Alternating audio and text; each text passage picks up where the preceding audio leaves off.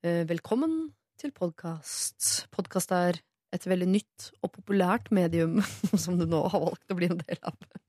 Nei da. Det er en sannhet, eh, for så vidt, det, altså, men ikke så interessant, kanskje. Du skal nå gjennom uh, halvannen times tid, tenker jeg. Vel, ja, jeg tror vi er oppe i to. Jeg, det, I dag har det vært mye skravling. Ekstremt mye skravling, og mye sånn på sida-skravling. Altså når man prøver å gi uh, hjelp til en jente som uh, hele tiden blir frastjålet ting i bokollektivet, og eh, Gaute Grøtta Grav klarer å få det til å handle om uh, fingerhistorier fra ungdommen, sin egen ungdom, ja, da, da har du skravla en stund før du får inn de bihistoriene der. Men han har drukket uh, uh, proteinshake hele dag, så han er on fire, for å si det mildt. Lars Berrum er også rådgiver i dag. Og Sandra Lyng. Ikke Haugen, men vi sier Sandra Lyng Haugen til første timen av den podkasten du nå skal høre, før vi får passene våre påskrevet. Hun heter ikke Haugen lenger, så da blir det Sandra Lyng. Det blir noe Haugen etter det også, jeg skal innrømme det. Det er ikke, ikke så lett å få ting til å sitte i hjernen når den er full av julekaker, gløgg og uh, peppernøtter og i det hele tatt. Eh, kos deg, da. Eh, gled deg til den fingerhistorien eh, som bunner ut i en skjønnssykdom jeg valgte å kalle piri-piri. P3. Dette er Lørdagsrådet med Siri Kristiansen. På P3. P3. God, god morgen og god, god jul. Jeg er i gang, altså. For meg er jula så innmari i gang. Jeg har vært på Liseberg og feira jul i to dager. Hilst på nissen, eh, gått på falsk snø, spist brente mandler. Altså, jeg er eh, så full av jul nå at eh, jeg nesten snart er lei. Nei da, jeg elsker for så vidt eh, jul. For mange så er jula den aller, aller, aller beste tiden man kan ha. Men for nesten like mange, tror jeg, om ikke flere, så er eh, jula en ekstrem tydeliggjøring av absolutt alt som er trist eh, i livet. Er man ensom, ja, så er man mer ensom i jula. I hvert fall er følelsen større og verre. Er man blakk, ja, så blir man jo mer blakk i jula. Det er vanskelig å komme utenom. Og er man singel, så blir man ikke mer singel. Det bare føles så mye mer singlete når du sitter med familien din, og de snakker om eh, kjærestene sine og ungene og ungene dems igjen, osv. Har du et trøblete forhold til denne familien, eh, og du vanligvis unngår dem, ja, så er jo dette tida da du faktisk må ofte face den familien du ellers i året unngår. Og er du usikker generelt, så er det enda flere ting å bli usikker på. Hvem er vennene dine egentlig? Eh, skal man kjøpe gaver? Egentlig? Hva er det jula dreier seg om? Egentlig? Altså, man kan jo bli helt tullete. Men tanken er jo at jula er en tid man skal komme sammen og hygge seg, dele, snakke, tilgi, le. Ikke sant? Og alle disse tingene, kanskje med unntak av eh, ett eller to, krever at du er del av et eller annet fellesskap. Et uh, tospann eller trespann eller et stort fellesskap, eller i hvert fall noe. Og er man ikke det, altså er jula vanskelig. Og uh, dere som er single da i jula, vil vel kanskje si at folk som er i et forhold, ikke har noe å klage over. Men det er jo det vi gjør, og kanskje spesielt rett før uh, jul. Fordi jula kan være som det barnet man tror skal redde forholdet, eller som den ferien man tror man reiser på for å finne tilbake til nyforelskelsen. Fungerer veldig veldig sjeldent, og ofte heller motsatt. Og dette er grunnen til at vi i januar antageligvis vil få et oppsving av bruddproblematikk her i Lørdagsrådet. Det er mange som skuler på hverandre om dagen, vurderer hverandre, måler. Noen prøver kanskje å kjøpe seg til kjærlighet etter et år med mye arbeid. da. Kjøper et diamantarmbånd kanskje, mens kona sitter der og bare vil bli sett. Og andre gjør som vi alltid gjør, da. bommer helt. Kjøper slipsnål til kona eller ski til mannen i håp om at han skal komme seg opp på sofaen når han egentlig bare vil ha Xbox og hun vil ha gavekort på spa. Og hvem skal betale for dette? her? Er det jeg som skal betale for gaver til din familie? Og hvor skal vi være da? Hvem kommer dit? Hva spiser man da? da? Har vi egentlig tid til å feire jul? Hva er jul? Er det bursdagen til Jesus? Når, altså, når ble det viktig? Er det ikke en gammel tysk tradisjon da, som er mye eldre enn Jesus? Men tre, altså inne. Kan vi ikke kjøpe et i plast, da? Eller et lite et som vi bare kan sette på et bord et eller annet sted? Nei, det kan vi ikke sånn. Var det ikke da jeg var barn? Altså, her har jeg bare så vidt begynt, og jeg tenker at det er på sin plass å nevne vår mailadresse, som er lralfakrøll.nrk.no. Lørdagsrådet På P3. P3. Nelly Furtado, dette er altså All Good Things Come to an End. Det er utrolig dystert å synge, da. eh, Spesielt etter at jeg har svartmalt jula noe så innmari. Det var ikke meningen. Jeg gleder meg som et lite barn jeg, til eh, Jeg kjøpte vet, Unnskyld, nå må jeg bare eh, komme med en innrømmelse. Jeg håper ikke min deilige lokfører hører på. Det tror jeg ikke, for han spilte poker til klokken to i går. Eh, jeg kjøpte én julepynt i går. til 1400 kroner for én julepynt. Det er faktisk ikke lov å dra mastercardet på 1400 kroner for å kjøpe en julenisse i ekte ull, altså! Det er ekte ull, altså! Uh, jeg sa ikke hva den kostet, da, men han trodde den kostet 299, men det var den lille, ikke den store, som heter Olle, som nå har flyttet inn til oss i Epleveien, og vi har det så fint sammen. Ok. Eh, Det skal faktisk dreie seg om eh, penger, eh, for vi skal ta titt litt på en mail som vi har fått fra en som heter Berit. Hun har nemlig fått hjelp av Lørdagsrådet for en stund siden, og da dreide det seg om penger. Hun driver en, nærmest en butikk, legger ut bilder på Instagram av ting som hun syr og strikker.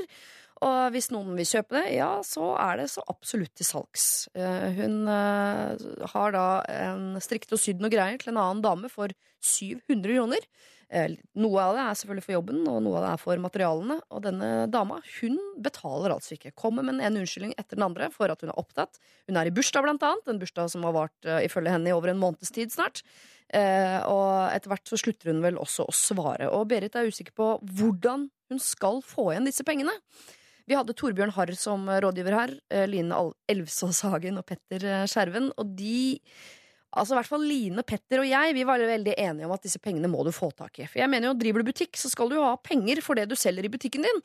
Eh, og så hadde vi jo ymse ideer på hvordan man skulle skaffe disse pengene. Både eh, lettvinte, artige og mer sånn eh, voldelige metoder man kan bruke for å få de tingene man vil ha.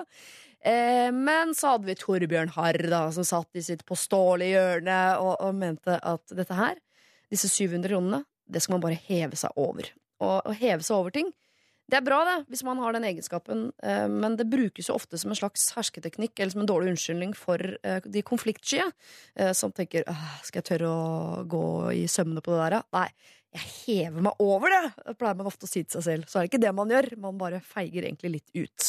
Hva det er Berit har valgt å gjøre, det er jeg litt usikker på her, men hun skriver i hvert fall. Hei, dere i Lørdagsrådet. Tusen takk for at dere tok opp problemet mitt med den frekke damen som ikke ville betale meg for det jeg hadde sydd til henne. Strikketorpedo høres ut eh, som en fristende idé. Jeg skulle ha funnet fram mine skarpeste pinner. Men etter å ha hørt dere diskutere problemet mitt flere ganger, ja, så valgte jeg å gjøre et siste forsøk med å sende damen en melding. Heller ikke denne fikk jeg svar på, så da gjør jeg som eh, Torbjørn Harr foreslo. Jeg hever meg over henne. Jeg har også vurdert å sende henne mine utslitte og hullete ullsokker. Jeg er i hvert fall veldig glad for at jeg sendte problemet mitt til dere, og at dere tok det opp. Det har i det minste gitt meg flere gode lattere, så takk skal dere ha-ha-ha. Hilsen Instagram, eh. Så hun velger altså da å heve seg over det. Og det er jo flott, det, men de 700 kronene får man jo ikke av å heve seg over ting. Og får man ikke det man skal ha, så syns i hvert fall jeg, da, selv om Torbjørn har på en måte vant den runden her, Torbjørn har, Torbjørn har, Torbjørn har, eh, så må du i hvert fall ta litt hevn, eh, som er jo min indre motor.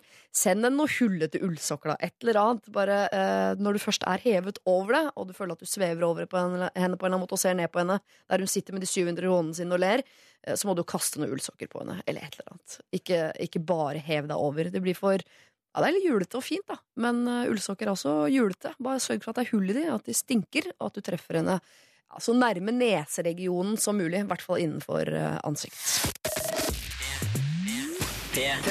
Dette er P3. Se for deg at jeg eh, tar et lite hopp, lander i eh, Telemark med en gitar på slutten av den låta her, Oslo S sin Amerika. Jeg syns i hvert fall det er et ganske greit syn å få eh, så tidlig på morgenen. Astrid S før det med sin eh, Hyde. Eh, hun tok jo storeslem på P3 Gull, vil jeg si. To av fire priser. Det er klassisk storeslem. Du fikk gleden av å dele ut denne prisen, du, eh, Sandra. Ja! Var ikke det gøy? Det var kjempehyggelig. Det virka som du var altså, så glad i Astrid at jeg eh, Er det noe mellom dere, eller hva? Ja, men jeg syns bare hun er ei herlig jente og fortjener alt uh, godt som kommer. Det er veldig gøy at, um, at ei norsk jente gjør det så bra. Ja. Hun er så ung og så flink. Ja, jeg syns bare det var veldig artig. Og Så bra. bra er hun også. Det er raust av deg, eh, Sandra. I dag skal du være rådgiver sammen med Gaute Grøtta Grav og Lars Berrum. God morgen, alle sammen. Hei. God morgen. Dere ser jo eh, veldig veldig våkne ut hele gjengen. Altså, Ja, syns du det? Syns Ja. du det? Er det en egenskap dere har, eller er det tilfeldig? Det er sminke og kokain. Smunka kokain, ja. ja. Smunka? Smunke og Nei. Det er ikke Kokain. kokain. Det jeg har funnet Den nye tingen å gå på er faktisk eh, kokosvann. Jeg går jo på det når jeg er i en måned i året i Thailand. Ja. Eh, men nå har jeg begynt endelig å få det i Norge. Ja. Det inneholder da dessverre 4% sukker, eller noe sånt, naturlig sukker. Ja. Og jeg som ikke spiser godteri til vanlig, får da en sånn instant rush Eh, og det kan noen si kanskje er for mye av det gode, Ja. eh, men for meg er det veldig deilig å ha litt kokosvann liksom intravenøst gjennom så tre timer vi skal nå. da. Ja. ja. Du har også med deg en proteinshake. Det er for å gå opp i vekt. Det er for å gå opp i vekt. Ja, Ja, det er- eh, skal jo bli stor som en bjørn, ja. og er på vei. Skal du få sånn deilig Christer Falk-kropp? Christer Falk er tjukk. Er, er det deilig? Ja, jeg synes det er litt deilig. ja. Sa du deilig, Christer Falk? Kropp. Mm. Sa bare kropp, sa ingenting om hodet eller hjertet. Ja, men Christer Falk er en kjempebra fyr. Ja, ja, jeg spiste middag med ham her om dagen. Jeg skal- har aldri jeg tenkte sånn, Just er jo så ufortjent at han der er en kødd. Og så, så, så kødder han igjen, da, og så skjenker jeg han er en kødd. Men han vil jo være en kødd. Ja, Det er, han går jo for kødd. han gjør det, for- men så er han varm inni hjertet. Ok, men Slutt å snakke om Christer Falk, da. Vil du ha en sånn stor, deilig Lars Berrum-kropp? Ja, men det- høyden til Lars Berrum er jo veldig bra å ha, da. Ja, den får du ikke av å drikke proteinshake. Nei, det er ikke det. Da måtte mora og faren din ha gjort det. eller et eller annet Ja. Ja. Drikker du proteinshake, eh, Lars? Nei, Nei. det gjør jeg ikke. Men eh, jeg, jeg, jeg er helt opp for å begynne med ting. Ja. Jeg har ikke noen sånne standpunkter. Det er ikke sånn som, greit som ikke spiser godteri eller noe. Jeg gjør alt, jeg. Du koser deg, du er livsnyter. Ja, hvis det er, er det på bordet, så er jeg med. Så bra. Ja. Eh, Du går med en eh, Chicago Bulls-lue. er det fordi du har tatt opp basketkarrieren, eller? Nei, det er egentlig eh, Det er bare en lue jeg har på for å være kul, da. Eller Ja. ikke, ikke kul, men det er en sånn lue jeg syns er fin, da. Så, og så er det nostalgien for min del, for det var sånne luer eh, vi hadde når jeg, Eller vi. Jeg er mange, personer. Var du Chicago Bulls-fan? Eh, eh, nei, ja, nei, men det var, man gikk med dette her, Mighty Ducks og sånne, eh, sånne typer luer. Det kunne være hockeymerke eller basketmerke. Og så fant jeg de luene i en butikk i Sverige. Så Ja. tenkte jeg jøss, det her Dette skal jeg gå for. Så det er eh, om ca. 20 år så ser vi små barn som går rundt som blånisseluer, for det er så nostalgisk for det for å være kule. Det gleder jeg meg til. Jeg, mer opptatt, jeg var mer glad i LA Lakers uh, sjøl. Ja. Fordi jeg fikk en basketball som var lilla og gul, uh, stripete, sånn som LA Lakers Ja. hadde i sin tid. Det var jo gøy, da. Dere, jeg skulle ikke snakke om proteiner eller sminke eller kokain eller basket eller noe som helst. Jeg har tenkt å snakke om tunga til Gaute Grøtta Grav. Oh, ja. Eh, for jeg observerte på Instagram eh, Gaute, at du la ut et bilde som du hadde tatt av et annet bilde, der du hopper over en grind med tunga ute for å feire at nå er Farmen-finalen nært forestående. Eh, tung, jeg har jo refset allerede på Instagram. Tunga ute på bilder. Må vi Ja. drive med det? Men hoppa du samtidig da? Hoppa samtidig. av tunga, Åh, gjorde fy sass, faen. altså, Men jeg sa syns du det er ikke ille at på jenter. Det er verre på gutter. Hva er det du driver med? Jo, det skal jeg høre. Dette er, altså, er, er rett og slett et, et, et forsøk som jeg gjorde i 2002. Når jeg gikk på sånne premiere og jobba i Sone 2, var ikke så innmari stort program. Men så kom jeg på en premiere, og hvis jeg viste tunga til fotografen, så kom det alltid et stort oppslag. Ja. Hvis jeg bare smilte vanlig, eller bare var sånn ålreit fyr, så ble det enten et bitte lite bilde eller ingenting. Så for å fronte programmet, så ble det mye tunge. Og fordi de som sitter på desken, det er menn. Ja. Og de liker kløft på damer. Men jeg liker ikke bare i overkropp på menn. Men Nei. tunge, etter som skjer i hodet på deg, det er god stemning. Kanskje Mick Jagger-referanse eller et eller annet. Rett ut! Masse, masse pre- presse. Ja. Du, jeg jeg- kjenner at jeg angrer på det siste Instagram-bildet vi tok, som er med tunga. Ja, du har tunga ute, ja. ja, ja men du har i hvert fall ikke kløft, da, så det er vi jo Vi fulgte opp. Må legge ut på Instagram vi og Sandra for ti minutter siden. Bare gå inn og hashtag Lørdagsrådet. Det er to tunge som slenger ut for å få mest mulig spredning. Så det, men det er et tips da til alle dere som vil gjerne bli kjente. Hvis du viser tunge, så får du mer eh, rett og slett eh, presse på det. Eh, dessverre, kan man si. For jeg er helt enig med det. Men når jeg først skulle hoppe over det fuckings gjerdet, da, Ja. for masse fotografer, tenkte jeg ok, hvis de skal gjøre den innsatsen her, så må en i hvert fall få noe igjen for det. Og nå må Ja. det bli brukt. Og nå ble det brukt på et eller annet slags forsidegreier. Ja. TV-guiden. TV-guiden. ja. Ja. Ja, ja. Men jeg er helt enig, det ser jo litt sånn. Det ser jo litt sånn ungdommelig ut, gjør det? Nei, det ser dumt ut. Ser dumt ut, ja. Bruker du det, Sandra Lyng? Altså, tunge? Eh, tunge? Bevisst i markedsføringen av deg selv? Aldri Det var han som ba meg om å Eller han begynte å rekke tunga når vi tok den selfien. Så tenkte jeg ja, men da gjør jeg også det. Jeg tror ikke jeg har gjort det tidligere. Du er fort ute med tunga nå, noe andre Men du- på. Ja. Tone Damli gjør ofte litt sånn tung litt ut i munnviken, litt sånn sexy. Har dere sett det? I hvert fall før. Og det er kanskje litt innafor, eller?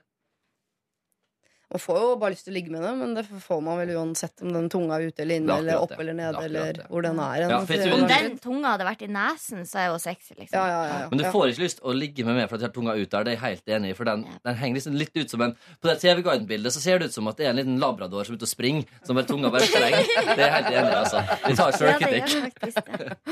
Lars, du, er ikke, du bruker ikke dette aktivt i noen markedsføring. Tunga ut. Nei, Nei. jeg er litt dårlig på akkurat det, men jeg, jeg sitter jo og lytter, og, og, og som jeg sa i sted, jeg tar det som er på bordet. Så jeg snapper jo opp. Jeg er et ja-menneske, så dette her skal jeg absolutt gjøre.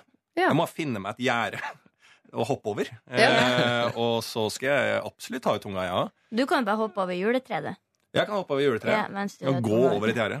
Jeg eh, lurer på om vi i løpet Altså før klokken tolv i dag så skal det tas et bilde eh, som skal publiseres et eller annet sted, eh, med fire tunger ute. Mm. Ja. Eh, Lars, du må også by deg på. Og jeg får vel ta en for laget, jeg også, da. Få se om Ja, hva er det som skjer her? Vi kommer og får kjeft, og så bare vender vi om hele gjengen. Ja, Du trenger ikke julaften, du, nå. Nei. Nei. Dere, eh, vi begynner med deg, eh, Lars. Sivil status, åssen er det der? Jeg har eh, kjæreste. Ja. Mm. Så det er, det er veldig sånn Hun er veldig fin. Ja, hun er kjempefin og For fin for han, mener du da, eller?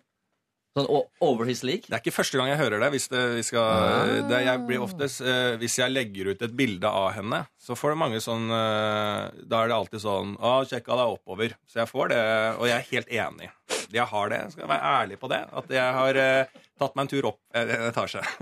I heisen, for å legge en metafor på bordet. Ja, ja. Ja. Det, jeg elsker metaforer. Jeg er en sukker for det. Ja. Men dere er kjærester. Er dere samboere? Er det noe mer? Er, det noe, er dere ringforlovet? Er det noe Nei, vi bor sammen, Ja. men vi er ikke noe ringforlovet eller uh, noe sånt. Nei. Har Nei. dere felles gjeld? Ja, Ja. det tror jeg. Uh, jeg har i hvert fall mye gjeld, og da blir hun med på det. Har du gjeld til henne, kanskje?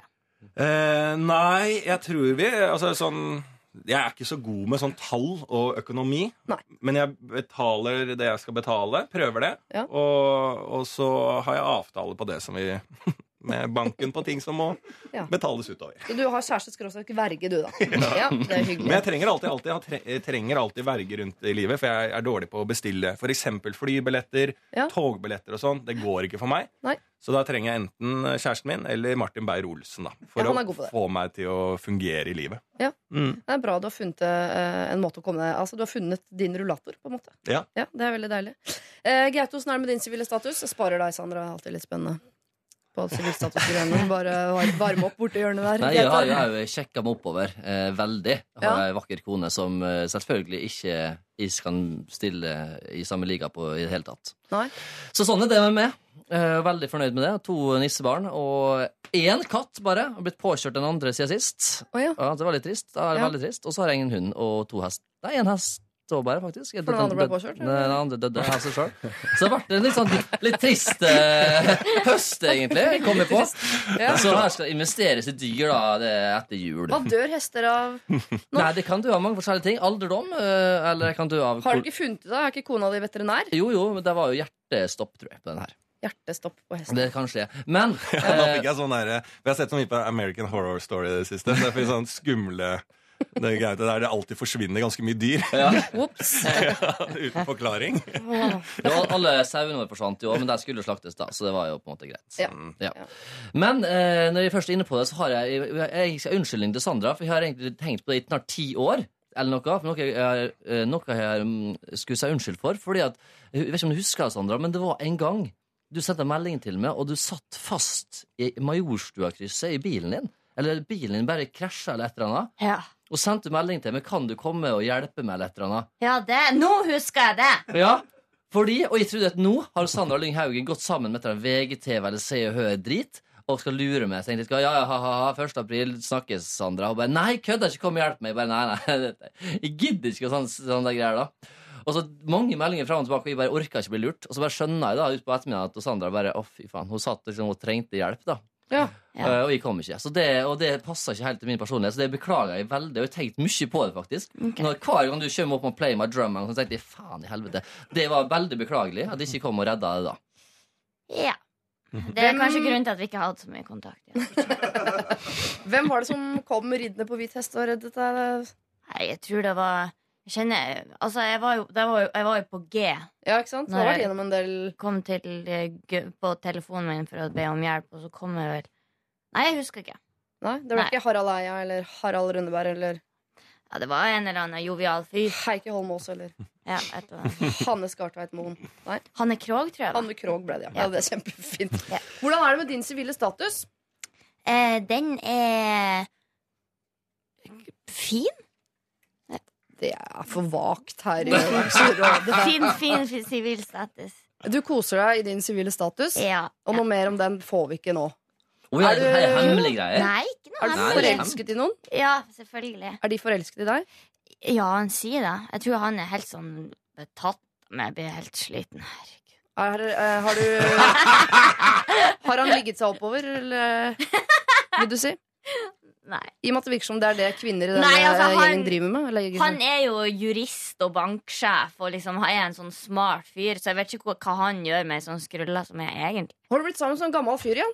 Nei, han er- er bare tre år eldre enn meg. Oh, ja, okay. ja. Ja. Ja. Så hyggelig, da. Ja. Hvordan treffer man sånne bankfolk, da? Nei, det her var tilfeldigvis gjennom en kompis. Ja. Eh, vi var på Det var bursdagen min i april, og han sa du må møte en fyr, for han her vil ha ungene dine. Eh, og så sier jeg ja, OK, jeg er åpen for det. Jeg har akkurat blitt singel og var egentlig eh, Som man gjør. Fysen på litt graviditet, som man ofte er når man er singel. Og så sier han ja, eh, ja, få han bort hit da Klokka var to om natta Og så sa jeg Vet du hva jeg skal gjøre? Jeg skal søren meg gå bort- bort og kline med han Stikke tunga i kjeften på han Før jeg har hilst på han Ja. Eh, Så skjønte jeg at det var han som stod og pratet med kompisen min han kom etter hvert i en taxi Så gjorde jeg det da Ja. Så ble han litt satt ut Ja, det skjønner jeg ganske godt. Og så sier jeg, hæ? Var ikke det koselig? Jo eh, eh. Så ble han helt sånn og så ble vi kjærester tre-fire måneder etterpå. Shit, ass. Han Er det sånn man gjør det i Nord-Norge, eller? Altså når han har allerede meldt at han vil ha barna dine, Ja. så synes jeg det er ganske grisete å ikke være keen på da å bli overraska av å måtte kysse deg. Ja, men jeg tror bare han bare overraska over meg. Og det var en sporty person. Ja. Og Han kjente meg jo ikke. Hva, Sander Lynghaugen er bare å digge hardt og brutalt. Ja, men det, du, er sånn, det er sånn Mosjøen-folk da, er bare helt konge. Det er flere derfra som er bare helt rå. Det er bare sånn De gir gass. Og det er sånn, ja, Kall en spade for en spade. Ikke sånn play-along og nei, jeg vet ikke men Bare gi gass og bare vær på.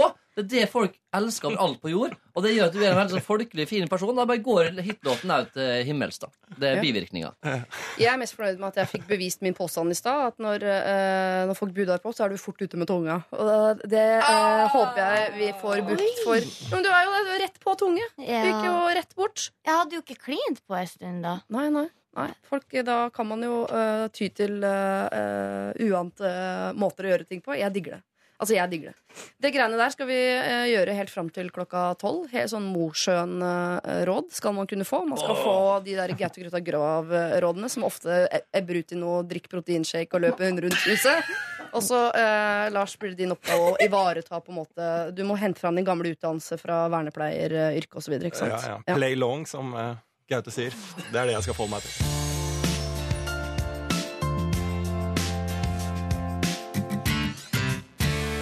Jeg har havnet i en veldig kjip situasjon. Har for noen uker siden tatt opp kontakten med en venninne som gikk i klassen min på videregående. Vi har møttes tre ganger, og den tredje gangen hadde vi sex. Etter litt masing fra min side.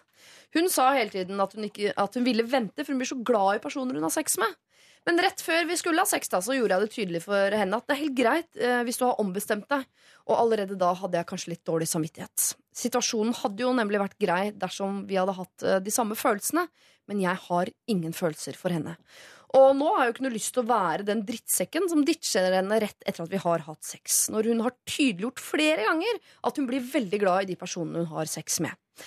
Jeg har rett og slett tenkt med kuken, har ikke tatt hensyn til hennes følelser, og det har gitt meg veldig dårlig samvittighet ettertid. Så hva gjør jeg da? Skal jeg si det som det er og innrømme at jeg er den drittsekken som jeg eh, håper hun trodde at jeg ikke er, eller skal jeg bare jatte med en stund og se om jeg får følelser? Vennlig hilsen Torjus. Forstår dere her? Eh, Skaden har skjedd. Eh, Han er en, eh, føler seg selv en kuk, men han har også dårlig samvittighet. Og lurer på om han skal bekjenne seg som den kuken han er, eller om han skal late som, eller Hvordan går han videre ut av denne suppa? Det er et deilig problem, da. Ja, ikke lat som dere ikke kjenner dere igjen, gutter. Nå Nei. ser dere ut som to sånne korgutter. som Det eh, åpne. men det er litt sånn, sånn Det er litt rookie-feil, syns jeg, da. Fra min uh, tid som uh, ekstrem singel. Ja. Uh, da var det veldig sånn Da hadde man jo eh, ja, Da må man holde seg unna er det jenter som, eh, er, eh, som blir til, veldig tilknytta ved sex, så må man ikke gjøre det hvis man ikke skal ha følelser. Nei. Nei, hvis man ikke selv har følelser. Skjønner? Ja, Det er liksom sånn nummer én, fordi at det byr bare på det, akkurat den situasjonen her. da Så Ja. nå har jo, var det Truls han het? Eh, Torjus. Torjus, nå har Mm. han lært det. Så det, det må vi ta med. Det er liksom en positiv læring, da. Ja. Eh, men ellers så er det jo eh, Ja, Jeg hadde tenkt med Men jeg føler at dette her er ikke, det er ikke verdens undergang. Det, eh, jeg tror ikke det, det er ikke så Jeg tror ikke den har så mye følelser, så jeg tror det skal gå an å bare fortelle At det ikke er verdens undergang for henne, nei. Nei, Nei. jeg tror ikke det er sånn Jeg tror ikke det er uh, Men jeg liker jo at Torjus gjør det om til litt sånn verdens undergang, selv om han kanskje overdriver hennes følelser osv. Men veldig mange vil jo bare ha gitt eh, komplett F og gått Ja. videre. Og ja, ja, så lærte jeg noe, eller kanskje jeg ikke lærte noe. Men han ønsker jo på en måte å, å gjøre dette her så reint som mulig, da. ja, dårlig samvittighet. Ja. Men det er jo typisk gutter. da. Eh, Etter ligge, få dårlig samvittighet, eller 'å, fy faen, jeg burde ikke ligge med og stikke på morgenen liksom, uten å si fra' og sånn. Det er jo veldig For etter at eh, det har, han har gjort det han skal, så kommer jo eh, visdommen. Ja. Eh, Den er jo ikke der før. Det Og er jo hjernecellene eh, svømmer Lam- som bare det fra kuken og oppover til hodet igjen. Yes, det er akkurat det. Så han har, har da evnen til å lære av egne feil, i hvert fall nå. Ja. Eh, det er samme som jeg kan lære av egne feil, men jeg kan ikke lære av andres feil. Nei. Og noen kan ikke lære av egne feil heller, og det, det er jeg litt synd på. Men han kan i hvert fall nå ha opplevd det som lar seg, og det er kjempebra. Eh, Og så tenker jeg at jenta jo lærte noe. Sånn er livet. Du kan ikke tvinge noen til å være sammen med noen. Og du veit ikke alltid. Herregud, plutselig så bare likte det ikke lenger. Jeg var ikke forelska lenger. Nei vel, da får vi gå over til vårt. Kjipt. Men nå .no. ønsker Torjus å være så real som mulig i etterkant av dette. Mm. Hvordan skal han oppføre seg overfor den jenta for at dette skal bli eh, eh, så ok for henne som mulig? Skal han innrømme Sorry, jeg tenkte meg'? Skal han si det han sier til oss? Ja. Ja, Ja, ja. det er det jeg mener. Jeg synes Ja. at eh, eh, Hvis han sier det så, Fordi at, jeg, eh, som, at det er litt sånn typisk gutter og alt det jeg, jeg tror ikke det er noe sånn typisk gutter heller. Det er typisk eh, den som ikke har følelser som er ute etter en ligg. Og det kan like godt være jenta, liksom, som bare Jeg er ikke der i det hele tatt. Men da må man eh, Jeg syns det bare sånn du, Jeg tenkte med kuken. Jeg var eh, Eller ja, bare si det sånn som det er, akkurat det, det der, og beklag det. ja. Ja. Eh, og se hvor dust det var, med tanke på at du faktisk sa til meg at du ble veldig tilknytta hvis man har sex, og jeg maste meg litt til det. det var, den den syns jeg er litt kjip akkurat nå. Eh, men så jeg har vært dusj. Eh, håper det går eh, ikke blir altfor kjipt. Da vil nok hun også sine indre følelser si sånn Nei, herre, det For da får man sånn motreaksjon, tenker jeg da, hos en dame, at uh, du ikke tror at du har vært noe dusj. Jeg ville det sjæl, og nei, jeg er ikke keen på deg. Å være sammen med noen du ikke er keen på å være sammen med, er iallfall verdens dårligste idé noensinne. liksom. Har du gjort det? jatte med å se om man får følelser. det? Det kan jeg sikkert eh, ha gjort, ja. Ja. Har du gjort det? Ja. ja. Ja. Så det er erfaring vi kan si at det er ikke så lurt. Det føles ikke så bra, det heller. Og når, når det blir slutt, så skjønner jo vedkommende at uh, det var kanskje det, det, det er for mye lag. Bare bli ferdig med det. Kjipt er det, da. Fått den beskjeden noen gang, uh, Sandra. Sorry, jeg tenkte med kuken. Uh, nei. Altså, jeg er jævlig stor i kjeften og kan godt uh, kline med en fyr som jeg aldri har møtt før. Men, men jeg ligger ikke med noen før jeg vet at det her er monogam. Så jeg har ikke på en måte Det kan være at jeg beskytter meg sjøl. Ja. så Men klarer du Hvis du hadde Eh, havnet i eh, den ja. situasjonen, hadde du likt at han kom etterpå på en måte uh, eh, tilsto sine uh, dårlige sider? på en måte? eh, Ja, ville respektert deg mer enn at han aldri hadde ringt. Da. Ja, for Alternativet er å fade ut, ikke sant? Og det Og det står det. skjer, ja, men det skjer jo ofte òg. Jeg har gjort det mange ganger sjøl, og blitt uh, fått det uh, fada ut i trynet sjøl. Ja. Og det er jo Det går greit, det også. Det er det jeg mener. Jeg tror uh, alternativet her er jo å fade ut. Ja. Uh, da syns eh, hun det er mer irriterende enn hvis han uh, sier det til henne. Og det er jo Ja, barndoms- har jeg veldig mye imot. Ja. For det, da holder folk på, på vent, i vakuum. Da er du feig. Ja, Å være ventende menneske feige. er en jævlig Ja. kjip situasjon å være i. For da får du ikke gjort noe verken fra eller til. Du får ikke starta sorgprosessen, du får ikke starta sinnet, du får ikke gått videre. før du bare skjønner at ok, nå er jeg dumpa. Da kommer den sorgprosessen kanskje likevel. I stedet for bare å si det bang, bang, bang, bli sint, rasende, lei seg. Gå videre i livet. Det kommer en ny. proteinshake, løpe en rundt huset. Men du kan jo si Ja, men det er ja, ja, er, men Rir jeg du er da? feig. Eh, nei, jeg rir på hest. Ja. Uten hjelm. Men man er jo feig. Jeg er feig. Ja. Ja, og jeg hadde sikkert fada ut der, jeg. Hadde du det? Ja.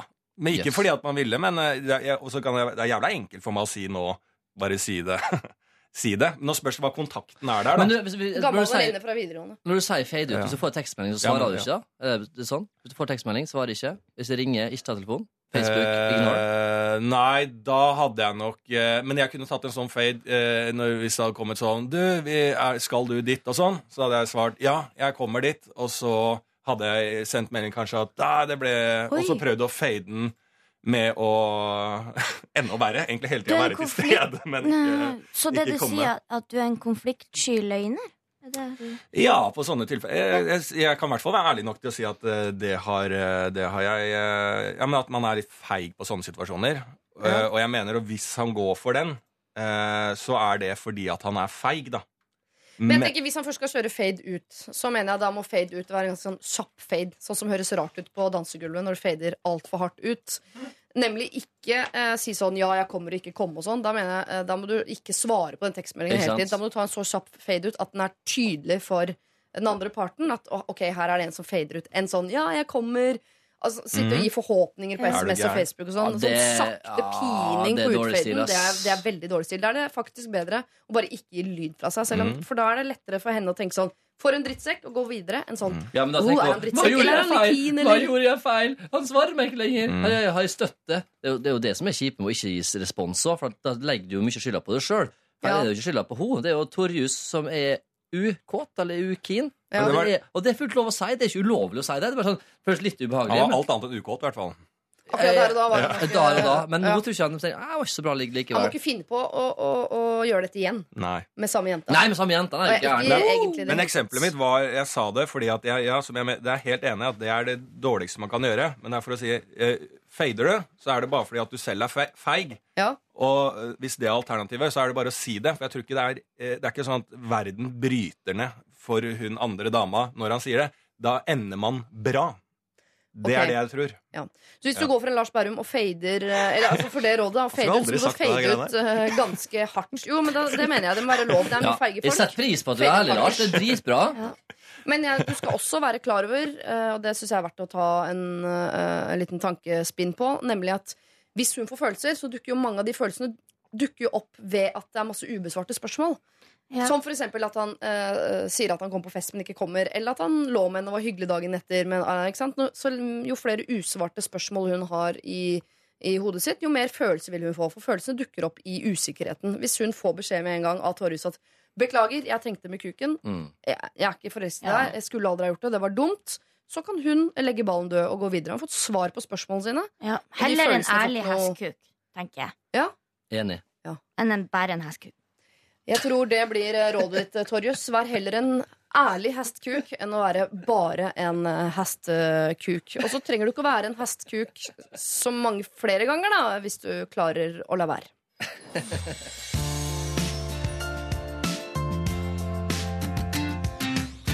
Og nå her i Lørdagsrådet, som i dag består av Gaute Grøtta Grav, Sandra Lynghaugen og Lars Berrum, så skal vi eh, snakke med en som heter Anna. Men først må jeg fortelle Annas eh, historie. Fordi Anna en dag eh, forrige uke, tror jeg det var, satt på bussen, eh, som hun ofte gjør, var på vei hjem og møtte en mormonermisjonær. Altså en med glattsømmet hår som het søster Graham. Veldig blid amerikansk jente på 18 år, og de ble sittende og snakke. Denne Anna, som vi straks skal snakke med, er veldig nysgjerrig type og syntes at denne eh, Graham var eh, hyggelig og det var interessant, og ble litt nysgjerrig på hele greia. Hun blei invitert til mormonerkirken, og nysgjerrig som hun er, så vurderte hun om ikke hun skulle ta seg en tur innom der, selv om hun er ikke religiøs selv, bare nysgjerrig av eh, natur. Nå har hun eh, vært i denne mormonerkirken for å hilse på mormonerfolket og se hva dette er for noe, og for å bli bedre kjent med søster Graham, som hun syntes var en utrolig hyggelig eh, jente.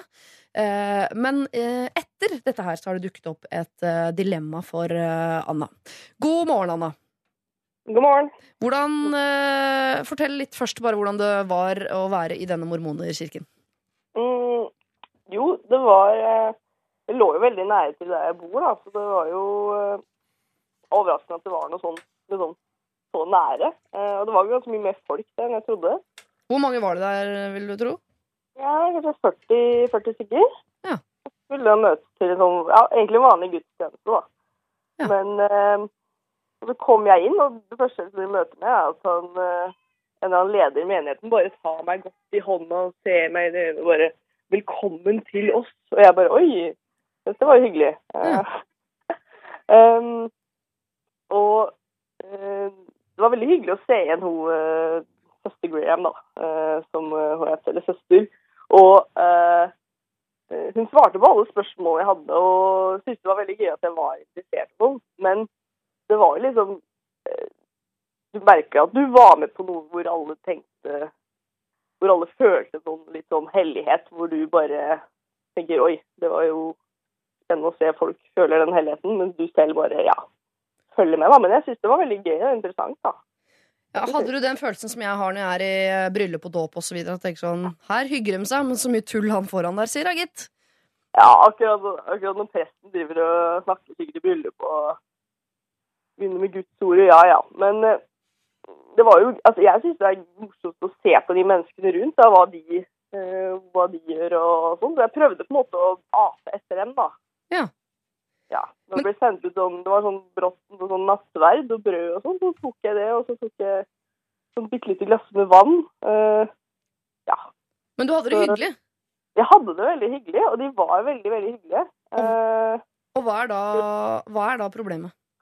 Ja, altså det var jo Jeg tenkte nå, nå tar jeg dette møtet her, og så, og så blir det med det. Så har jeg liksom vært innom der, og så ja. Um, men for det første virka de ganske ivrige på eh, å få meg med videre. Det skjønner jeg jo. Det, de vil jo helst eh, ha meg med og døpe meg, og ja, sikkert.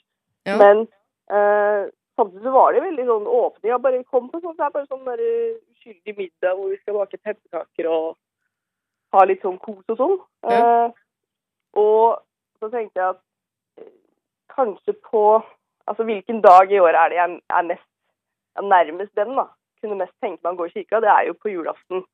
Og så tenkte jeg, er det greit for meg bør, bør, For det første, bør jeg ta opp kontakten igjen, eller vil det bare Nå som det gikk så bra nå, er det verdt risken å ta og fortsette å fortsette å prøve litt og være nysgjerrig? Eller bør jeg la det være med nå og tenke jeg kan møte Så- eller sånn? Det du har, er egentlig et eh, moralsk dilemma på at du kunne godt tenkt deg å ha noe med disse folka Ja, ja. å gjøre, men mest altså, fordi det er hyggelig og koselig og sånn, ikke fordi du egentlig er Ja. eh, enig med det, det religiøse Nei, som de tenker. Kan du utnytte det? Er det det du Ja, lurer på? er det utnytte dem når jeg vet at jeg kommer ikke til å bli mormoner, og late litt som jeg er uh, interessert og sånn, da. Ja. Og er det greit å dra dit på julaften? Altså, er det, Ja. er det på en måte litt sånn hvor de forstår at ja, som ikke er i kirken heller, de vil ikke være der da? Eller er det å tråkke på liksom på deres helligste dag og Ja, skjønner. Ja. Da har jeg bare noen sånne kontrollspørsmål før vi skal prøve å løse problemet ditt, Anna. Eh, alder på deg. 18, nei. Du er 18. Er du en Ja. Jeg syns jeg hørte en kattepus bak der. Er- Kan det stemme? ja. Du har en kattepus. Jeg har en kattepus. Og da er mitt neste spørsmål i dette søkende og litt nysgjerrige vesenet du er. er du, eh, vil du si at du er ensom? Ensom? Nei. Nei. Det vil jeg ikke si. Det var vel en periode litt før hvor jeg kanskje var litt sånn uh, søkende etter litt sånn nye miljøer. Men nå så er det ikke sånn lenger. Men så tenkte jeg kanskje å prøve å Man får jo, hvis man tør å gå litt ut, da, Ja. tør å gå litt, så, så kan man jo brått få mer enn uh, en, mer enn man tror. Da. Så tenkte jeg jeg skal prøve å finne tilbake til den litt sånn nysgjerrige, søkende delen av meg, da. Men ensom, nei. Jeg trenger egentlig ikke det her. Nei, okay. Det. Nei, det er bare greit å vite. Du, Da skal Gaute, Sandra og Lars og jeg ta en, eh, en runde på om, eh, om det er uh, greit at du på en måte oppsøker dette Bra. miljøet når du vet at ikke du kommer til å bli mormoner selv. Så snakkes vi snart. Uh, vet dere hva mormonerkirken er? Ja, og det som mange tror, er jo at mormonere har flere koner. Ja. Uh, Det har de jo for så vidt i USA, i noen sjuke miljø der. Ja. Men de fleste mormonere har ikke mer enn ei kone. Det er greit å vite. Au, og det er ikke sånn helt psyko-kirke, Men det er ganske sånn strenge krav på Eller ønske om å ikke drikke alkohol og litt sånt, da. Er det ikke litt sånn Amish light, hvis man skal bruke Ja, men det er ikke noe sånn eh, Det er ikke noe sånn eh, skjørt og sånn. Nei, men de går i dressa pent, antrukket er veldig høflig og rolig og dempet, og det er ikke så mye boomblaster og, og Det har Ferrari, du på rett i, men jeg kjenner ei som har brutt med kirka, Ja. men som da Et eller annet skjer der, for det som å si Det er akkurat som å komme hjem til familien og føle seg alt så innmari velkommen der, og, derfor, og, og sliter med det, da. Ja. Eh, Så da syns jeg det er veldig godt å komme tilbake en gang, og så dra igjen. Men her har vi altså eh, med å gjøre en eh, jente på 18 år som er nysgjerrig og søkende, ikke ensom, og som syns det er hyggelig å tilbringe tid i Mormonerkirka. Vurderer faktisk å være der på julaften eller dra dit noen ganger for å møte søster Graham og bare være en del av et hyggelig miljø. Men hun, det hun er redd for, er om det på en måte er respektløst eller blasfemisk av henne å på en måte bruke deres kirke til bare en sånn sosial arena for henne. Hva Det som er respektløst, tenker jeg, er å dra i kirka og begynne å drikke sprit. Ja, Det er respektløst. det er, men det tror jeg ikke er et forslag heller fra Anna. Jeg tenker at De gjør jo hva som helst for å verve folk. Det blir dritbra. En mer i dag. Konge. En mindre i morgen. Litt dumt. En mer i morgen. Kjempebra. Ja. Det er jo ikke sånn, Du kan ikke ha ei kirke og si sånn Du er bare velkommen hvis du er her fem ganger i året. Det er ikke sånn det funker. De er drithappy, tror jeg, for å få henne innom. For de ser det ved langsiktig løp. Hun ble ikke frelst i dag, men i morgen Eh, Er det, Sandra eller Lars, tenker dere noe annet om dette her? At det, kan, at det er litt sånn uh, fake av henne, på en måte? Å være der når hun vet at hun ikke tror på det de står og, og sier? Nei, det tenker jeg. der, er jeg enig med Gaute. Liksom, det er bare å, hvis du vil, bare bli med på det. Liksom. Det er ikke noe du bør føle på det. Det er jo hele opplegget med sånne type ting. At du skal være med og få en til, tilknytning, og de skal jo bare være med på å gi det. Og så håper de innerst inne på at man til slutt blir enda mer eh, frelst. Men de, alle kan ikke være hardcore, og det tror jeg de er innstilt på. Og jeg tror ikke de får så mye napp ute i gatene når de står i de vakre dressene. Så, men altså, personlig så ville jeg jo holdt meg til helvete langt unna uh, mormonerkirken. Uh, men det Syns du de er skumle, eller? Jeg syns eh, at det Da snakker jeg personlig hva jeg vil. Det her kan jeg ikke kreve av Anna. Nei. Men eh, les deg litt opp eh, på opplegget. Er det, dette, er det dette man skal bruke tida på? Og støtte? Eh, men eh, det er bare personlig mening, så jeg hadde aldri gjort det. Men hvis det er feirer, Er det julaften som er hellig der òg? Er det det? Høres sånn ut. Ja, Nei, Du driver med pepperkaker og julaften, i hvert fall. ja. ja. Men, Ja. men Ja, det er Jesu fødsel, så det er det det går på. Det er det, ja. Mm, Så de bare- kaller seg jo siste dagers hellige. Hva sa du? De kaller seg siste dagers hellige. Ja, ok, ja. Ja. Eh, det sier ikke meg noen ting, men det er liksom sånn eh, eh, Stikk eh, og vær med hvis du ønsker det. Eh, må i hvert fall ikke føle på noe ansvar eh, for de. Altså, de er, det, er jo det, det er jo det de er bygd på. All, all religion, at man skal være der og eh, alle skal bli tatt imot, og man er hyggelig. Og hun er jo superoppegående og veit jo at eh, de vil eh, få henne med. At hun vet jo hensikten deres, men hvis hun får noe utbytte av det, så hvorfor ikke bruke det fellesskapet som man eh, ellers kunne Man gjør jo det på pub hele tida. Ja, Man går jo på en pub, eh, betaler, sitter der i sosialt uh, samvær og Selv om man, Man går vet på at man ikke skal inn på eiersiden i, i puben. Ikke sant, Det må du er heller aldri finne på. Jeg har noen kompiser som har gått inn på eiersiden. Det går dårlig, det òg. Men dere, eh, nå Men virker det som dere er veldig enige om dette her. Men, Nei, men, for å, ja. jeg er mer på, å- mer på samme plattform som Anna i dette, fordi nå ga vi nettopp råd til Torjus, kuken Torjus i forrige problem om at han eh, skal ikke drive og gi jenter forhåpninger hvis han veit at han ikke har lyst til å bli kjæreste med dem.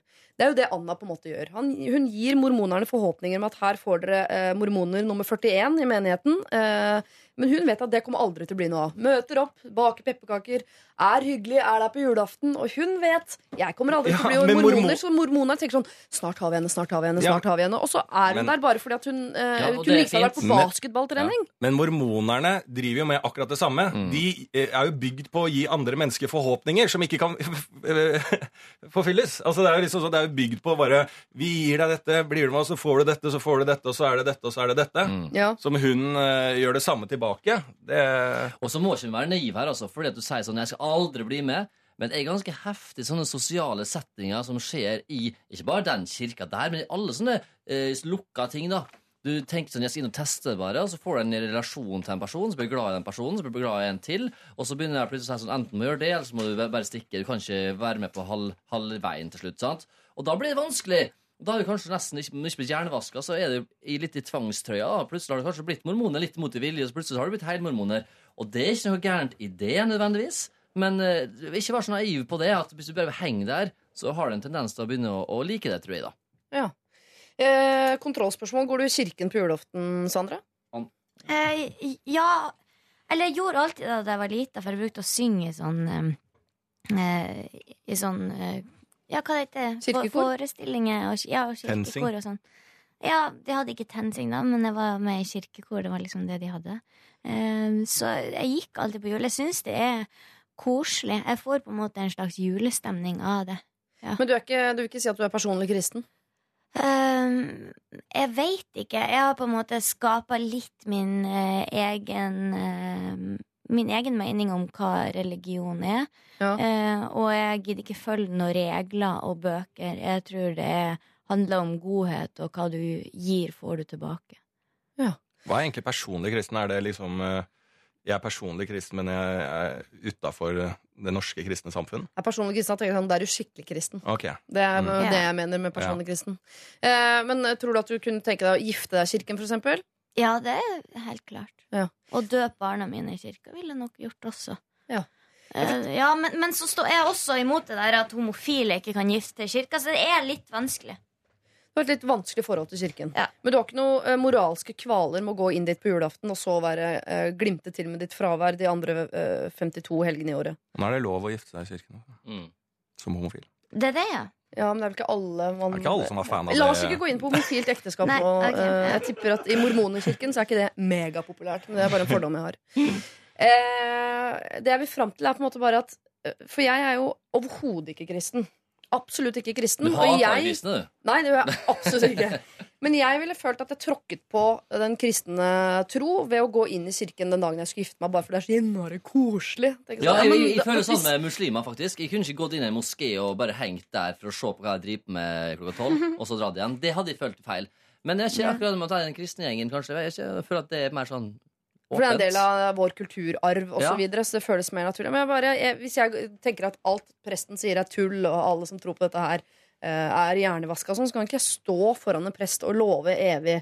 Jeg bare, jeg skjønner at Anna syns det er vanskelig å være i en kirke hvor hun ikke tror på noe av det de tror på. Det Ja, ja. føles som hun, hun lurer dem. Men en det, er, men det er jo, hvis du tenker mormon, man tenker liksom som mormoner, for man vet ikke så mye Hvis man tenker kristendom og, og kirke som man har vokst opp med, eh, i hvert fall eh, jeg med på skole og alt der du måtte i det og har det forholdet, Ja. eh, så er det jo det Det, er, det spiller jo på eh, Jeg hadde ikke hatt noe problem hvis jeg hadde vært ensom eh, en periode i livet. Nå er ikke det tilfellet her, da, men å gå i en kirke og søke et fellesskap der, hvis jeg hadde ønska det er ikke tilfellet, men hvis jeg hadde gjort det, hadde jeg ikke følt på noe sånn. Og nå, eh, eh, siden ikke jeg er så kristen som eh, de andre er, så pisser jeg på den religionen.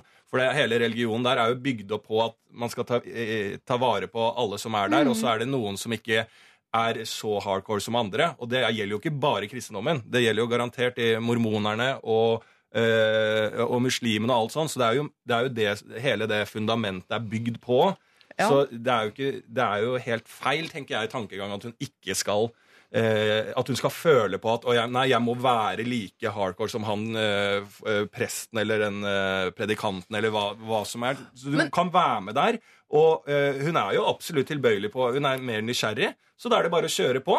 Og så kan man tipse om at eh, ikke kast deg Ikke stup inn i det. Eh, men det går på mine personlige tanker. Men ikke føl på, hvis det er det som er problemet, at hun føler på eh, at hun eh, skylder de noe aktig, så det er bare drit i. Det er bare å. Ja. Hvis vi går 100 år tilbake i tid, Ja. så var det jo ikke fordi at folk ville så innmari høre på hva presten hadde å si ikke i kirka. Det var litt tvang, selvfølgelig, men òg pga. kirkekaffen etterpå. Det var den store sosiale happeningen da endelig folk kunne snakkes i kvarter 20 minutter på kirkebakken før de stakk hjem igjen i det nitriste livet sitt. Men da fikk de liksom oppdatert, og kanskje folk fikk møtes over døpefonten og avtale at de skulle gifte seg om to år og sånn. Det hadde en funksjon, sosial funksjon. Og det Tusen år tilbake i tid, så var det, da måtte du. Da var det da enten, enten halshugging eller kirka. Dette er forløperen til Facebook, er det du sier? Ja, rett og slett. Eh, og mormonerne driver på på samme måten. Så helt ingen problem, Anna. Kjør på hva sosial du bare vil. Men husk, du kommer til å bli hjernevaska på sikt. Ok. Uansett hvilken religion du velger. Anna, det jeg tror vi må lande på her, er at uh, hvis du ønsker å delta i dette fellesskapet fordi det er hyggelig, så skal du ikke ha noen moralske kvaler med det. Du har ikke noe mer på en måte, Du går ikke inn med noen falskere premisser enn de rundt deg allerede har. Men kanskje du skal lese deg opp litt på mormonersirken før du stuper inn i det, så ikke du plutselig blir fanget av noe du ikke helt har oversikt over hva er for noe. Og det tenker jeg at du også kan like å gjøre, Anna, i og med at du er nysgjerrig av eh, natur. Hva tenker du om det? Jo, det virker gøy. Det syns jeg kommer veldig gode råd. Ja. Og ja, jeg har tenkt også på det Gaute sa om det, og at man ja, hjernevaskinga, da. Uh, og at man kan, jeg tror man kan komme liksom, man kan liksom komme veldig langt med bare å henge med, da, kan du Ja. si.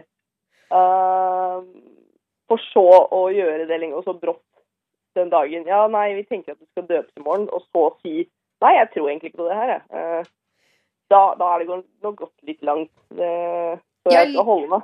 Jeg liker jo at du er nysgjerrig og søkende, og at du faktisk eh, besøker de og ser hva det er, blir kjent med de, finner ut av ting og sånn. Det liker jeg veldig godt. Det sinnet der syns jeg du skal bevare. Men jeg syns også Ja, du skal gjøre litt sånn eh, research eh, basert på eh, ikke bare hva de forteller deg at de står for, men litt sånn utenfra fra research. Og så, eh, så lenge det er hyggelig, så er det jo hyggelig. Da. Jeg syns det er fint, jeg. Men eh, Ja. du kan jo si fra til søster Graham også at eh, jeg kommer antageligvis ikke til å bli mormoner. Så hvis dere ikke ønsker at jeg skal fortsette å være her, så må dere si fra. Det, det kan jeg absolutt. Ja. Kommer du til å dra dit på julaften? Ja, nei, altså Syntes dere at julaften var en bra dag, egentlig? Ja. Eller var det ja. Samme. Alle dager er bra dager. Ja, hvis du har lyst til det, så syns jeg det er en superbra dag. ja, ok. Ja. Nei, men da skal jeg tenke på det. Så det blir gøy å se. Ja, hvis du trives i det fellesskapet, så, så trives de trives antageligvis å henge med det også. Men så lenge du er ærlig på det, i hvert fall til hun søster Graham, som, som du tydeligvis har blitt nærmest med, så Ja, ikke sant? Ja. Ja. Ikke ha noen moralske kvaler med det, Anna. Jeg tror du er uh, godt plassert på riktig side bare ved at du uh, ofrer det en tanke. For akkurat det er det veldig mange som ikke gjør, så der tror jeg ikke du skal være så nervøs. Eh, god jul, da! God jul, dere også. Ha det fint. Ha det. Lørdagsrådet med Siri Kristiansen. På P3. P3. Vi uh, lar mormonersirken uh, ligge. Uh, Gaute Grøtta Grav, Sandra Lyng Haugen og Lars Berrum. Nå begynner du å se trøtt ut, Lars. Du var så innmari våken i stad. Å ja, ja, det hadde det sikkert ikke blitt ennå. Det svei ganske greit i øya når jeg kom i Så jeg var overraska at du sa at jeg så så våken ut. Så. han sa det faktisk i resepsjonen. At han var så yes. trøtt? Ja, Lisa, hva jeg sa? Eh, gratulerer, sa jeg vel faktisk til møte i dag, for at Ja. du klarte å komme. Ja. Vil du ha litt proteindrikk av Gaute, eller? Nei, Nei. nei, det tror jeg ikke. Jeg burde Jeg har ikke fått gått på do i dag. til Jeg skal ikke begynne å mate på med okay, proteiner går- oppå morgenmagen. Vi går videre. Vi går videre. Eh, Karoline har et problem som hun har sendt inn til oss i Lørdagsrådet. Og her eh, skriver hun Kjære Lørdagsrådet. Mitt problem omhandler alkohol. Historisk har jeg vært utrolig eh, mye veldig fyllesyk. Så da crossfiten tok meg, og jeg begynte å trene veldig mange timer i uka, var det veldig enkelt for meg å legge flaska på hylla. Jeg har hatt et eh, normalt norsk forhold til alkohol med en fantastisk studietid med alt det innebærer av fest og sprell. Så til utfordringen. Folk rundt meg takler ikke at jeg har slutta å drikke. Ikke whatsoever. De nærmeste venninnene mine er verst, og de lar absolutt ingen anledning gå uh, fra seg til å fortelle hvor teit jeg er, som ikke kan ta et glass vin engang. Festbrems, superkjedelig og bedre enn alle andre har blitt mine mellomna- mellomnavn. Og det hjelper ikke mye heller. Og, øh, og øh, drikker du ikke? Er du gravid, eller?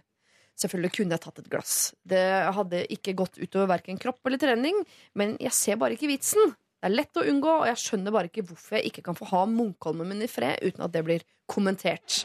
Det har fortsatt aldri skjedd at ingen har kommentert min brus. Snart er det jul, julebord, akevitt. Å drikke Farris til juleribba er liksom ikke greit, og stemoren min sender meg de normale, lure blikkene sine som sier 'Jeg vet nok at du egentlig er gravid, eller prøver å bli det, men ta det med ro. Jeg skal ikke si noe, at jeg har skjønt det', osv. Så kjære Lørdagsrådet, hva kan jeg si? Til pappa, søster, venner, kollega, ja, til og med mormor. Hva kan få alle til å skjønne at jeg lar være å drikke for min egen del, og ikke for å få de til å føle seg dårlig? Må jeg virkelig fylle alkoholfritt i alkoholflasker for å skjule min avholdshet? PS. Kjæresten min er heldigvis utrolig forståelsesfull og ser mest fordeler av å alltid ha sjåfør, så han er uproblematisk. Hilsen Karoline. Ok, Vi har en tidligere fyllesyk eh, Karoline som nå har uh, gått inn i crossfit-kirken, hvis vi kan si det sånn.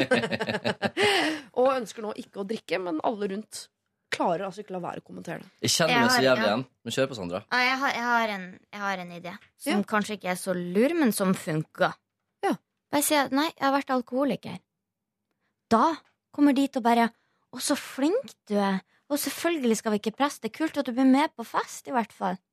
Ja, Men tror du de kommer til å tro på nærmeste venner og familie Han har vært skjult alkoholiker? da? Kanskje det? Ja. Det, Det er, er det, er, det er er veldig sjelden folk er, er åpen alkoholiker.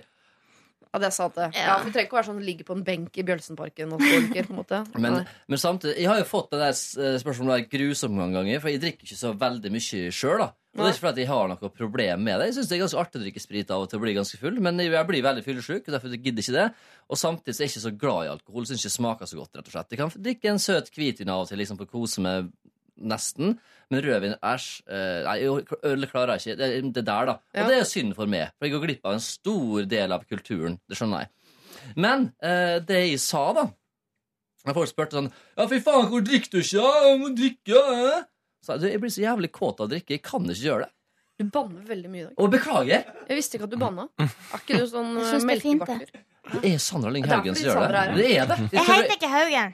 Unnskyld, slutt å si Har du, har du kutta òg? Jeg vet jo egentlig det. det ikke. Alexander heter ikke Denstad, han heter bare Hvitt. Mm. Eh, Sandra heter ikke Haugen, Så bare i, Lyng. i 1881 så det, finnes det ikke lenger Haugen-navnet? Mm. Nei, men du, Beklager, Sandra Lyng. Jeg skal aldri kalle det det igjen. Eh, men jeg driver tøffere med på Sandra. Det er rett og slett det jeg gjør. Jeg tror faktisk det gjør. Men du har altså uh... Eller, Det visste ikke at jeg hadde sagt, men jeg har sagt det til noen på jobb. Jeg fikk høre noe på julebordet her som var på tirsdag. Da Ja. var jeg på sånn TV 2-greier, og så sa jeg du drikker jo ikke. Og så kom andre inn. Du veit hvorfor Gaute ikke drikker? Og så sa jeg «Eh, nei, jeg vet ikke sjøl egentlig. For du sa til meg en gang Jeg vet ikke om jeg tør å si det her. Du sa du drikker ikke fordi du blir så jævlig kåt. Og det hadde jeg bare sagt en gang, da. Men Ja. det funka dritbra. For da var folk sånn OK, vi kan ikke slippe løs villdyret her, liksom. Det hadde jo vært gøy, da. Ja. Eh, hva med deg da, Lars? Du har vel ikke dette problemet? At jeg blir kåt? Eh, nei, jeg på, men at folk lurer på hvorfor du ikke drikker. Nei, det har jeg overhodet ikke noe problem med. Eh, jeg har fått egentlig et par meldinger nå i siste at jeg, folk tenker at jeg drikker for mye. Ja. Eh, så jeg har gått litt for motsatt. Og jeg, har- jeg har kjørt ganske bra løp nå siden mai. Ja. Så jeg har vært eh, Julebord siden mai. Ja, men jeg har kjørt hardt, hardt, hardt siden mai. Hva drikker, Eh, hva drikker du, da?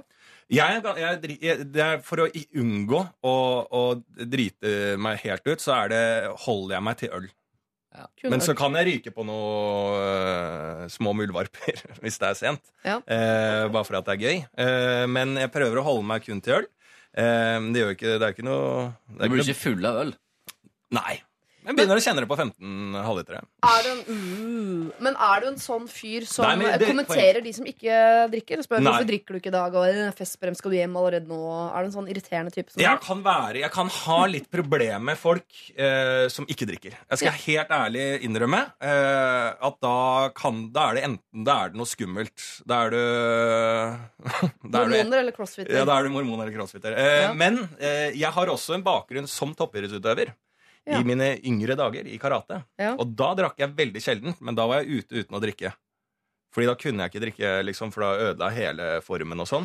Ja. Eh, så jeg har også opplevd den andre sida. Kom igjen, da. Drikk, liksom. Men her nærmer vi oss jo noe vi kan uh, bruke. Jeg syns helt uh, klart at vi, man kan bruke alkoholikergreia. fordi føler, sikkert Hvis man tar en test i VG eller Dagbladet, sånn, så har hun sikkert vært alkoholiker. For det er man jo hvis man drikker mer enn én en gang i året. ifølge dem Ja. Eh, men kanskje hun i og med at hun er så glad i crossfit, kan si noe om at hun skal delta i et mesterskap? Eller kanskje hun til og med skal Ja. melde seg på et mesterskap, sånn at Ja, hun ja, om et år skal hun delta i eh, Hedmarksmesterskapet i crossfit, da, eller hva vet jeg? Fordi det var det, Kan ikke drikke. Nei, for det er det som jeg tenkte at hun kan bruke der, er jo rett og slett det.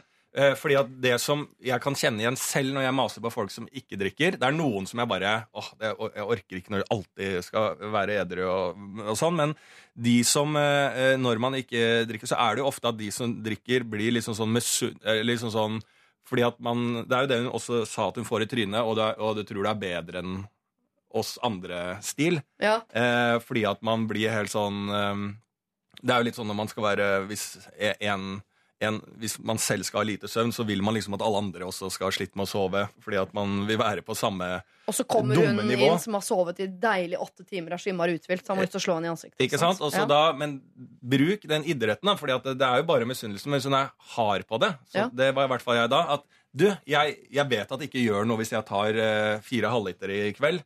Eh, eh, sånn fire enheter eh, sånn, for det, det tror det er det som er sånn regelen, at da blir ikke da går det ikke så mye utover formen hvis du holder innenfor fire enheter.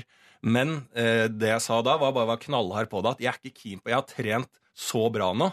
Så Ja. hvorfor i helvete skal jeg ta fire halvlitere nå? Blir jeg, man blir jo ikke så veldig brisen, eller Man har man bare lyst på mer. Eh, så da er det mye bedre å bare holde det unna, for jeg er keen på å få opp den formen. Tidligere så var jeg bare ute og festa, var ikke god på å trene. Nå har jeg fått i en treningsform som jeg er god på å ha utvikling på. Så jeg er ikke keen på å ødelegge dette for en periode nå. Jeg ser hvor bra jeg kan bli i crossfit. Mm. Eh, så jeg håper, men hvis jeg er så kjedelig og alt, øh, og alt det der, så får jeg bare unngå å invitere meg, da.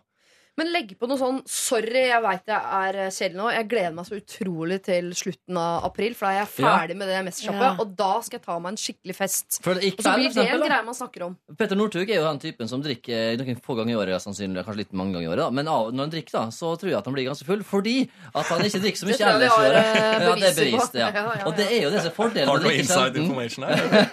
Ja, ta det etterpå. Ja, men i hvert fall, det er jo veldig smart. Eh, Så når for eksempel, jeg skaper et julebord kanskje i kveld, og da kan jeg for eksempel da drikke ja, kanskje bare ti ting, og så blir du kjenne, kjenne det. Ja. Mens du må drikke 15 for helt til det kommer i gang. Nei, altså, nei, det må jeg ikke. Men det er, det, er sånn, det er jo min oppgave når vi da sitter og snakker i begynnelsen av kvelden. Det er veldig hyggelig, vi er på samme nivå. Når jeg passerer deg da, så gidder jo ikke jeg å ha noe med, med deg å Nei, gjøre. skjønner Og det, og det, er jo, det gjelder jo deg òg. Mm. Det gjelder jo deg òg. Så da, stikker, da må man skille Ja, for Jeg går jo hjem klokka 11. Det er jo det som skjer. For at Ja. jeg gidder ikke å drikke, og da blir folk så møkings og rar. Så da kan vi ta følge, hvis vi hadde vært på samme fest. Ikke sant. Men jeg var ikke klar over dette alkoholhierarkiet, som er eh, altså, eh, at de med 15 enheter sitter på ett bord, og så videre, og så er det de med 10, og så er det oss, eh, melkegenerasjonen, Mm. de som sitter borterst til venstre hjørne der, som går hjem Du drikker ikke heller? Jo da, men Ja. eh, eh, jeg skal være med som crossfit-mesterskap i- med Hedmark i april. Men jeg syns at det er dritkult uh, som i, i, idrettsgreia i meg, er jo at det er helt rått at du har funnet crossfit. For det er helt sinnssykt uh, rå som treningsform. Ja. Og man kan ha sinnssyk utvikling. Jeg har sett noen som har kommet sånn, for jeg har en kompis som trener veldig mye crossfit.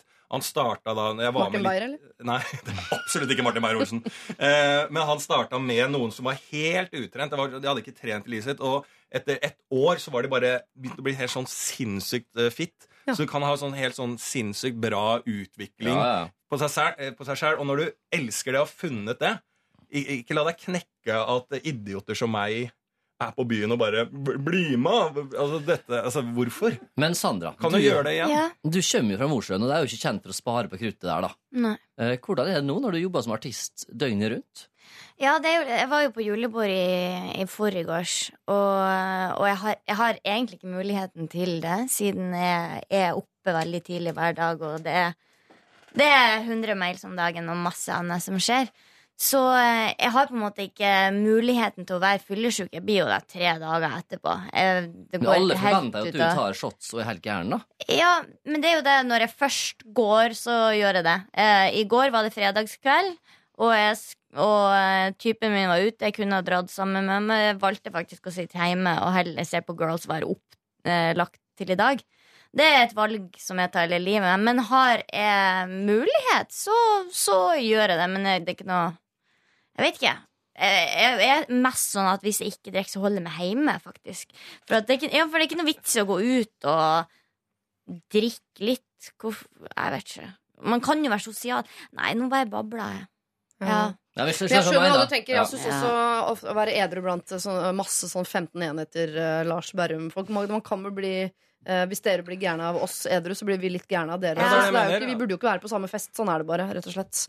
Eh, men det blir jo veldig kjedelig for Karoline, for hun har jo ikke lyst til å, selv om hun har begynt å trene, så har hun ikke lyst til å bli eh, mega usosial. Her var familien var ikke problemet. da. Jo, familie og venner som Ja. konfronterer henne hele tiden. Sånn, ja, er du gravid, eller hvorfor er du så kjedelig? Ja? Trening eller kåt. Ferdig med det. Nei, ja, bli med. ja, bli med. Si at du er seriøs på treninga. At du, du har lyst til det. Ja, det men jeg tenker for alle. at, hun skal, for at du skal slippe å ljuge Karoline, og si at du har vært alkoholiker, eller at du liksom skal på et mesterskap som du egentlig ikke skal på, sånn, meld deg på et mesterskap i crossfit. Det kan godt være om lenge, lenge, lenge, sånn at du har muligheten til å trene deg opp Og så blir du skada rett før. ja, for eksempel. Det er lov å trekke seg. Eh, Men da har du det som unnskyldning i hvert fall et år. Du sier sånn, vet du hva, jeg skal være med i et mesterskap. Jeg kan, det er ikke verdt det akkurat nå, men jeg gleder meg veldig til april. Da skal vi ta en skikkelig skikkelig fest. Men da må du gjøre det også, da. Men det har du vel i deg. Det får du til. Eh, og så har du jo kjæresten din som er forståelsesfull enn så lenge, så får bare alliere deg enda mer med han. Og til der familien nå i jula. Hva skal vi si der, da? Jeg mener bare å si at Kan ikke dere heller støtte meg, prøve å være flink og sunn med kroppen min? Eller si til mormor, eller bare Du burde jo heller være stolt. Sofie. Elisa, fuck dere. Fuck dere. Ja. det kan du eventuelt si. Eller så sier du at du prøver å bli gravid. Da. Det kan jo ta ti til tolv år. Så det er jo bare å søre på om de greiene der. Og når du først skal drikke igjen, så vær, litt forsiktig. For jeg har hørt om de der eh, crossfit-festene. faktisk. Ja. Det er ganske galehus, altså. Glem, ja, men glem alt av det 15 halvliter. Altså, det er beyond alt som er. Altså, for da, da slår de seg virkelig ut. Og sånn treningsfolk når de slår seg ut, det er farlig. Blande nysex med proteinshake og skal løfte bildekk eh, Ja, men De har samme innstillinga. Ja. De, de, de skal drikke for å drikke, ikke sant? så har de ikke gjort det. Og så er de bare 'Hvem er mest og kan ta mest?' Men de glemmer jo at de er dritings på første lille Ja, shot. ja, ja. Og så går det til helvete, og det er liksom alle er sprengkåte og har sett på hverandre i tights, og det bare Det går så dårlig, Det det, blir der. gang. gangbang, ja. Oi, oi, oi, Det spesielt. Ja. Og de historiene der må du passe på å fortelle til venninnene Ok.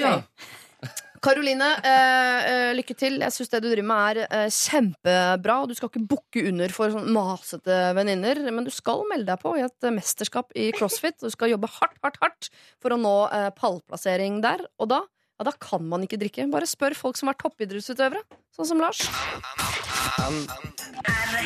K. P3. P3. The Weekend med sin uh, The Hills uh, hørte vi uh, der. Gaute Grøtta Grav, Sandra Lyng Haugen og Lars Ikke Haugen! Lars Haugen, da. Lars Berrum Haugen. Du får det etternavnet. Vi må ha det med. Jeg har sagt det. jeg Da- tar alt som ligger på bordet. Ja, ja, Gi meg det Haugen. Haugen-navnet. Lars Berrum Haugen. Ja. Eh, dere sitter med mobilene deres eh, framme, og det er fordi vi har lagt ut dette tungebildet på Instagram og Facebook for øvrig.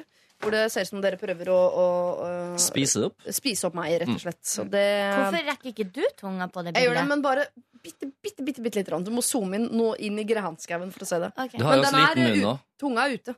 Du har ganske liten munn nå. Har veldig liten munn. Jeg har sånn det vi kaller for rumpehullsmunn. Som er altså på størrelse med et rumpehull. Men eh, jeg får spist. Ta det helt med ro.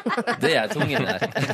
Det er en liten eh, tunge der. Det er det jeg har å bjuda på på tungefronten, dessverre. I hvert fall sånn i offentlighet. Jeg la merke til at mi var ganske lang. Du har ganske lang tunge. Ja. Eh, og den er veldig nærme mitt eh, øre, for å si det sånn. Ok. Eh, vi tar et problem til. Er dere klare? Mm. Of Ja. course. Mm. Her har vi da for en som heter Sara, som alltid hører på Lørdagsrådet. Hei, Sara. Det betyr at du også hører på uh, nå.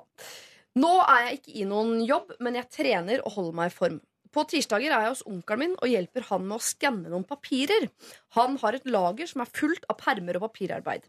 Og jeg har i oppgave å skanne disse papirene over på en PC. Nå har jeg skannet over elleve permer, driver på med den tolvte nå. Jeg tror jeg har gjort dette her i over et år nå, men jeg får ikke betalt.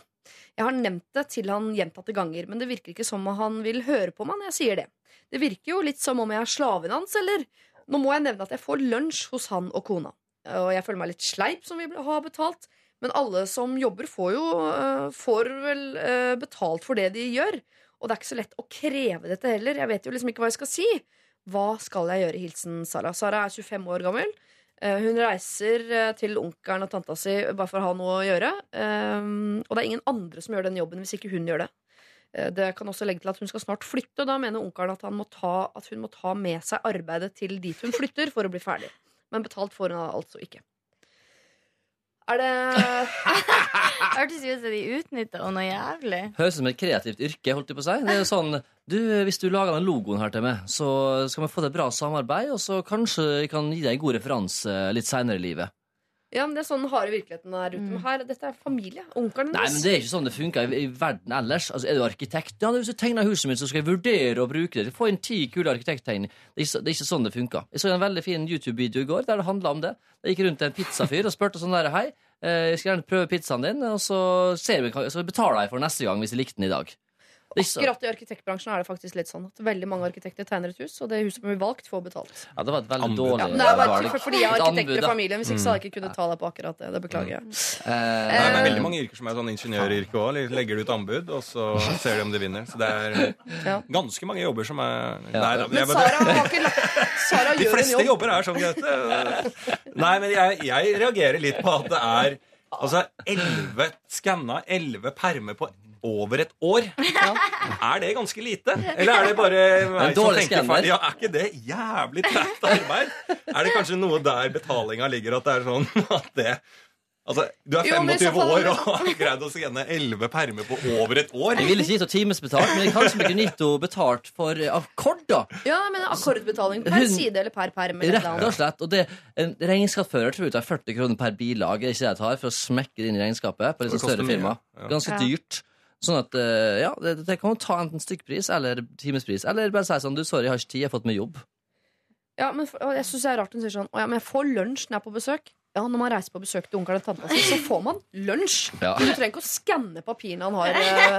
Det, er det, det gitt? dette er noe av det sjukeste jeg har hørt. Ja, jeg synes det virker som Sara ikke er klar over hvor sjukt dette er. Ja, det er men det virker som om det er liksom sånn miskommunikasjon. at eh, onkelen tror at hun ikke har så mye å gjøre, og at han Hjelper henne. hjelper henne med å holde henne i aktivitet. De Eh, permene er egentlig skanna allerede. Han gjør det bare ja, for det høres som Det er jo litt sånn derre eh, Når du slipper ut av fengseljobb, bare for å komme i gang i samfunnet igjen. Når Ja. du får, får lov til å skanne noe, liksom. Eller sånn når du er din første sommerjobb. For å komme på lunsj. Hun er for gammel til å ha sin første gratis sommerjobb hos onkelen sin. Det virker ikke som eh, han tror at dette er en jobb som hun skal få betalt. Det virker som om det er noe som er eh, kommunisert litt feil der, da. Hun er uføretrygdet uh, pga. en eh, ulykke og får, uh, Hun er det, ja. får trygd. Ikke sant? Men allikevel, Ah. det hun gjør hos onkelen, er jo en jobb. Hva, når disse permene er borte, skal han helle Ja, brune og hvite lyser sysselsetting. utover gulvet, og Men så da er sorterer eller? Da synes jeg enda mer Det er der feilen ligger. Det er jo greit å finne ut det. det er, jeg mener det for Hvis hun er eh, på av en ulykke uføretrygdet, så, tror at, eh, så tror da nok onkelen at hun ha, eh, setter pris på å bare komme der og, og komme seg litt i gang. Ja. Og det er jo feil.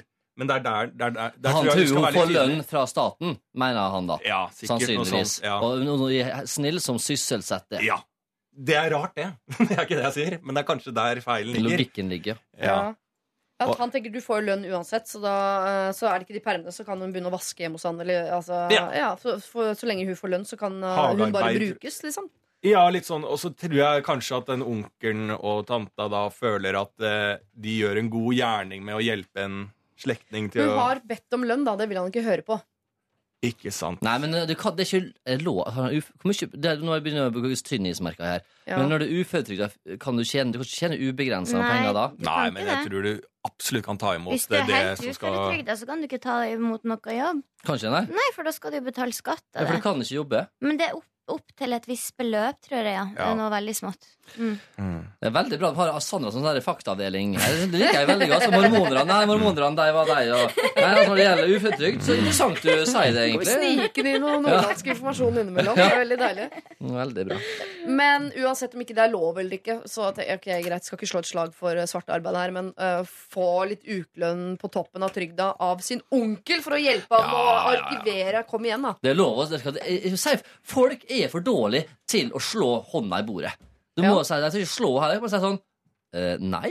Jeg skal ikke skanne noe hvis jeg ikke får noe tilbake. For iallfall får gi meg en ny iPhone da, eller et eller annet. ja, Skal Ja, ha lønn. iPhone. Si det. og Hvis, drit i å gå og skanne de permene, da. Lik lønn for likt arbeid, si. Ja, Ja, Kanskje du bare skal slutte å skanne de der permene? Dra ned spise lunsj?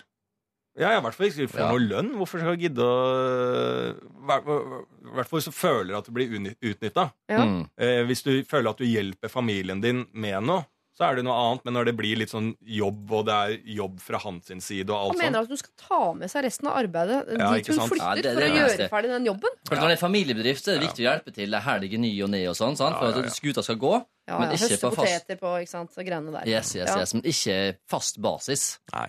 Nei, det virker som det er det det er nå fra Sara, da.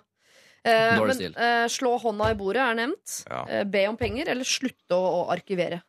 Rett og slett. Eller Ja. skanne dette Ja. arkivet. Ja. Hva sier du, Sandra? Ja, det, jeg bare Jeg bare tenker, ja, man, man, man skal liksom hjelpes til, men akkurat her så tror jeg at det er litt sånn gammeldags eh, At onkelen er litt på sånn gammeldags oppfostring, der han tenker at hun har ingenting å gjøre. Kanskje, kanskje hun ikke Hun har ikke noe å gjøre i hverdagen. Hun har ikke jobb. ikke sant? Nå skal jeg i hvert fall gi henne en greie som, eh, som setter henne i gang med noe som gjør at livet hennes blir litt mer meningsfullt. Kan hende at han tenker sånn. Jeg er helt enig. Hvis vi gir onkelen masse, masse øh, Gir han masse ekstra, så kan det hende at han tenker sånn Nå i hvert fall får hun opplevelse av at hun også kan gjøre noe. Så kanskje hun en Kanskje, dag har ja. lyst til å få seg en liten jobb, eller et eller annet. At det er, det, det er hans misjon. Men når hun da har bedt om penger, så syns jeg da må man bla opp penger også, for det også er jo en Ja, ja. motivasjon. Det er ingen som jobber bare fordi det er gøy. Alle jobber jo uh, fordi det også er penger i det. Hva øh, vil ligger elleve permer på for tida? Elleve permer. Jeg vet ikke, Hvis det er 40 kroner uh, bilaget, hvor mange bilag oh, er det i det er for en dyrt. perm? Det, Ja, det er kanskje for dyrt, Ja, ja. det må jo putte inn i regnskapet og sånn. Ja. Jeg Jeg har tatt 500 kroner permen. jeg. Ja, det er 1000 kroner permen. 1000 kroner permen, ja. Kan i hvert fall gå for det, ikke gå for det laveste. Hva slags timelønn snakker vi her, da? En ti kroner timen, Brukt et år på 11 permer, da, så det er en timepris på ca. 50 øre. Ja, Så- det, det, passer, det passer. Det er fint. Det er veldig fint. Det er en familiepris. Sara, vi mener at du kan ta ca. 500 til 1000 per perm. Eh, og får du ikke det etter å ha slått eh, neven i bordet, ja, så slutter du å skanne disse permene for onkelen din. Han driver rovdrift på deg, men hvis intensjonen hans er god det kan jo hende. Så spør om det, da. Si om det er det han ønsker. I så fall så vil det være enda mer motiverende for deg om du også får penger for dette arbeidet. Og lunsj, det skal du vel ha uansett. Men den lunsjen er tydeligvis ikke betalt, da. Sånn som det er i noen yrker, faktisk. Ute i det virkelige samfunn. Lykke til, Sara. Dette syns vi er helt uh, sjukt. Uh, og det er uh, onkelen din som er den sjukeste uh, så langt i dette problemet. Dette er er P3. Eh, Sandra er å pass, som han sier, eh, på Mosjøen. Eh, det er ikke du, Gaute Grøtta Grav, og heller ikke du, Lars Barum. Nei, men men jeg var verdt å tisse. Jeg tissa litt tidligere enn Sandra. Ja. Mm. Så Du er rutinert. Du gjorde det i starten av låta istedenfor på slutten av låta. Ja, jeg tenkte at eh, jeg går og tisser sånn at jeg rekker å være her når vi begynner igjen. Det er godt tenkt, for så vidt, det, da. Men uh, jeg syns jeg må eh, det er det, det er det eneste jeg misunner barn, uh, annet enn ti timer søvn. Det er at de er sånn Hvis de er sulten, så spiser de. Hvis de må tisse, så tisser de. At de bare gjør det der. Det har ikke hensyn til noe sånn du, at bussen går, eller uh, det er folk der, eller noe som helst. Det bare, bare, de gjør det. som kroppen kødder med. Sandra mens hun er borte. Nei, for hun er det. Åh, du rakk det akkurat ikke. Hva hadde du tenkt å gjøre? Nei, det er derfor ikke Da hadde jeg sagt det. Men jeg tenkte jeg skulle ha sånn brainstorming her, da. Så få det Skal fram. du snap-rape henne, på en måte? Nei, og ta med telefonen på BH-toget. Så hun er redd for det. Ja, skjønner. Godt på den. Dere, vi skal eh, eh, hjelpe en stor fan eh, som heter Thea, som egentlig lurer på noe litt sånn eh, Som er et råd mer til samfunnet for øvrig enn nødvendigvis direkte til Thea. Er du stor fan av Lars Berrum, da? Eller fan av hva? Eh, av programmet, vil jeg Ah. anta, da. Mm. Eh, det er en ting som irriterer meg grenseløst. Caps lock. Og det er disse menneskene på bussen som setter seg ytterst på en rad når bussen er full og folk må stå, altså eh, sånn at de har et ledig sete innenfor seg. Eh, Jeg pleier å sende et par stygge blikk eh, om jeg har sjansen. Eh, disse folka må jo mangle fullstendig sosiale antenner. Hvordan håndterer man dette? Kan man si ifra? Kjenner dere til typen? Tog, eh, buss osv. Setter seg ytterst og kanskje legger en liten portemonee på uh, setet inn mot vinduet. Ja. I håp om at de skal få sitte aleine på bussen. Det er søppelfolk, som jeg kaller det. Søppelfolk. Ja, ja, gærent. Ja. Det er jo fullstendig mot alle regler. Sånn som bare tenker på seg sjøl og driter i alle andre. Er det ingen av dere som Det er sånne som sniker køen. Ja, snik køen, ja. Eller som, som går inn i bussen før folk kommet ut. ja. Det fungerer veldig sjelden. Det er litt samme folka. Men er det ingen av dere som gjør det noen gang? Som har lyst til å sitte aleine på bussen? Sette veska innerst og seg sjøl ytterst? Jo, jeg har gjort det mange ganger. Ja. ja, ja, ja, ja. Jeg så har jeg vært søppelmann mange ganger, ja. Ja. Eh, sånn sett. Eh, Hvorfor gjør du det? eh, nei, det er jo bare for å sitte aleine. Men jeg er ikke så mye på bussen i byen og sånn. Hvis det er stappfullt, og, og, jeg og du ser eldre da, men stå, da gjør du jo ikke det. Du er jo ikke så Er du? For da fortjener, da fortjener du en smekk. Ja, men jeg selvfølgelig eh, jeg, ja, men jeg er veldig bra på å reise meg for eldre og alt sånn. Men jeg, jeg, jeg vil jo si Jeg skal ikke være noe sånn Men hva faen slags mennesker er dere, da? Dere kan ikke bare være sånn moralistisk fantastiske mennesker. Ikke kom her og si Hvis at dere det ikke har satt. Ja, men hvis dere har, dere har satt en bag på sida i Ja. håp om at eh, da eh, setter de seg andre steder Her først sier jo at det er fullt på bussen. Jo, men det Ja. var antakeligvis ikke det når de satte seg der. Jeg mener, Nei. jeg kan også sette meg ytterst, men jeg flytter meg når jeg Ja. ser at bussen fyller seg opp. Da Ja. flytter jeg meg Akkurat det Men nå, nå, er det vel snakk, Ja. nå er det vel snakk om folk som ikke flytter seg. Ja, jeg tror det er irritasjon også mot de som i utgangspunktet Ja, setter seg sånn. For det Og er det folk skjønner som har også. lyst til å sitte Ja. aleine, og det er jo Men han- irriterende. Men jeg er for jo andre, da. irritert på det sjøl. Men jeg, jeg kan jo helt fint innrømme at det har jeg gjort eh, tidligere. Ja. Men mest på tog. Eh, Ja. Når det ikke er sånn eh, betalt setebillett. Når du kan eh, sette Da har jeg mest Det er det der jeg har vært flinkest på å prøve meg på det greiene der. Hvis og jeg, lata som jeg sover og greier. hvis jeg, Ja, det er litt sover, ja, den også. Som jeg sover, den er god. Men uh, jeg må innrømme at jeg, jeg konsekvent, hvis jeg har muligheten, setter jeg meg på toget der hvor det er tre seter, for da vet jeg at sjansen er mindre for at noen setter seg ved siden av meg. Enn hvis jeg sitter på Mm. toeren, for da er det ofte at uh, man tar ledig sete i midten. Hvis jeg sitter på treseter, og det er ganske god plass om bord på toget, og det kommer noen og setter seg ved siden av meg istedenfor å sette seg da ytterst, sånn at vi får et sete i midten, da merker jeg at jeg, da uh, er er Klikovic irriterende. framme. Da tenker jeg sånn Ja. Er du gæren? Hva er det du vil med meg? Er du, er du forelska meg, eller? Mm. Det skjønner Jeg jeg. mener om at jeg tenker. Så der er jeg også Men hadde du vært i. USA, så hadde de tenkt å, så koselig, nå har jeg noen å prate med. Ja, for du har bodd der, du. Ja, Prata med folk på bussen. ja altså det er en, jeg føler at det er en helt annen kultur når det gjelder å være åpne mennesker, men mye mer innelukka og, og sånn her i Norge. Og det skal ikke vi gjøre noe med. Det er helt topp. Helt enig. Der er jeg og Gaute Mm. veldig like. Jeg Mm. synes det, jeg, jeg liker litt mer sånn åpenhet. Da. Eh, folk vil si eksempel at Los Angeles er veldig overfladisk, og det er det det enkelte steder, selvfølgelig. Men det at du eksempel får en sånn Ha en fin dag, da, når du, når du pakker posen ut av og, og etter at du har kjøpt deg mat. Det, det er hyggeligere enn at du bare får sånn pose, og så er de, hater de jobben sin og ser det stygt i Ja, det trynet. nytter ikke. Og der er jeg helt det er enig. det er. Og det å smile til folk ute på gata, det er Mm. drita viktig. Så jeg går rundt og smiler til folk. Og jeg gir ikke nødvendigvis penger til tiggere, for det er ikke så glad i å gjøre. Men jeg kan gi et vennlig smil. 'Hei, hyggelig at du er her i dag.' Veldig sånn bra. Og ser jeg Det varmer jo med et smil, og mett i magen blir det må. Men eh, til, til det greiene der til tipset, hvordan Ja. man skal fikse det, Ja. eh, fordi at man selv har vært en sånn, og jeg har fiksa det på den måten sjøl, er å si Går de, eh, Er det ledig der inne? Og Det er ikke verre enn det. Nei, og da må de alltid liksom eh, Får du ikke helt kontakt med en gang, så skal de ta av noen headphones og sånn. Og så?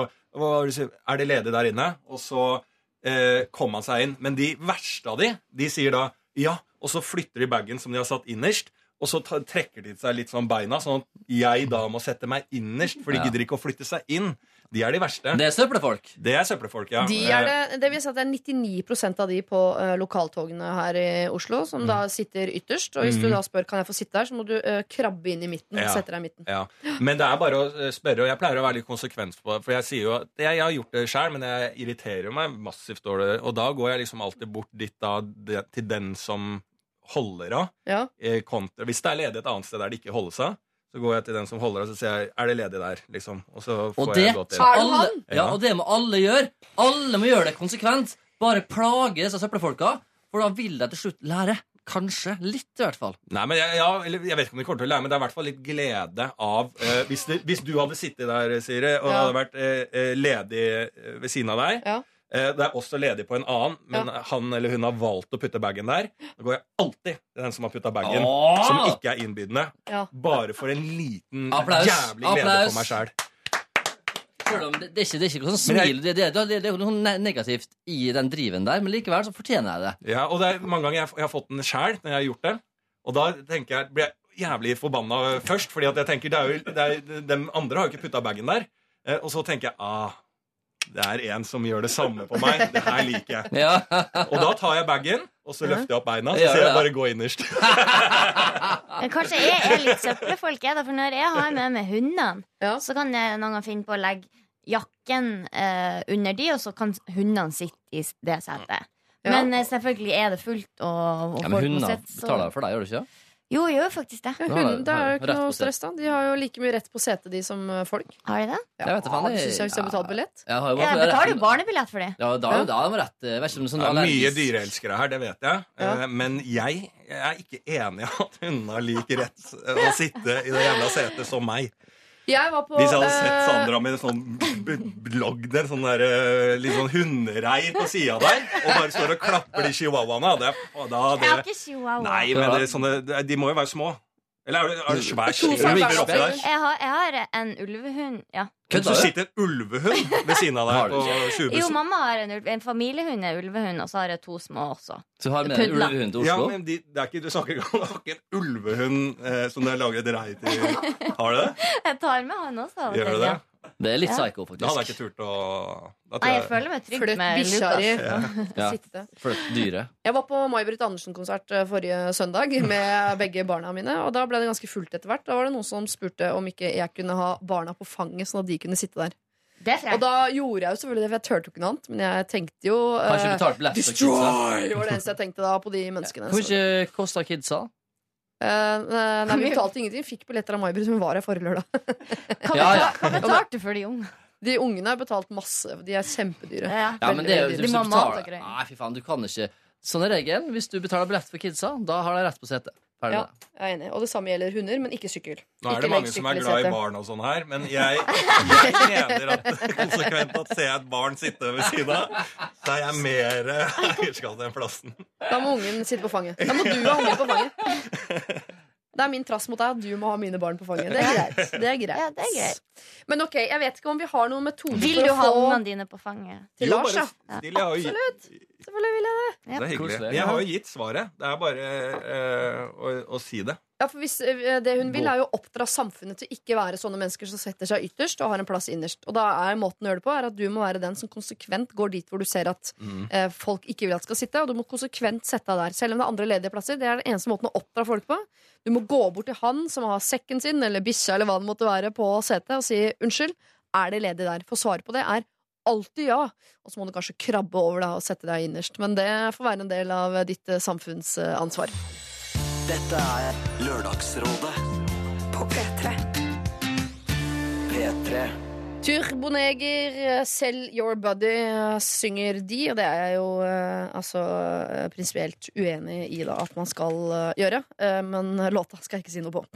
Dere, eh, Lars Du gjør jo det. Du selger jo kroppen din til NRK. Nei, ikke kroppen. Stemmebåndet er jo en hele kroppen. Mm, nei. Eh, ok, da.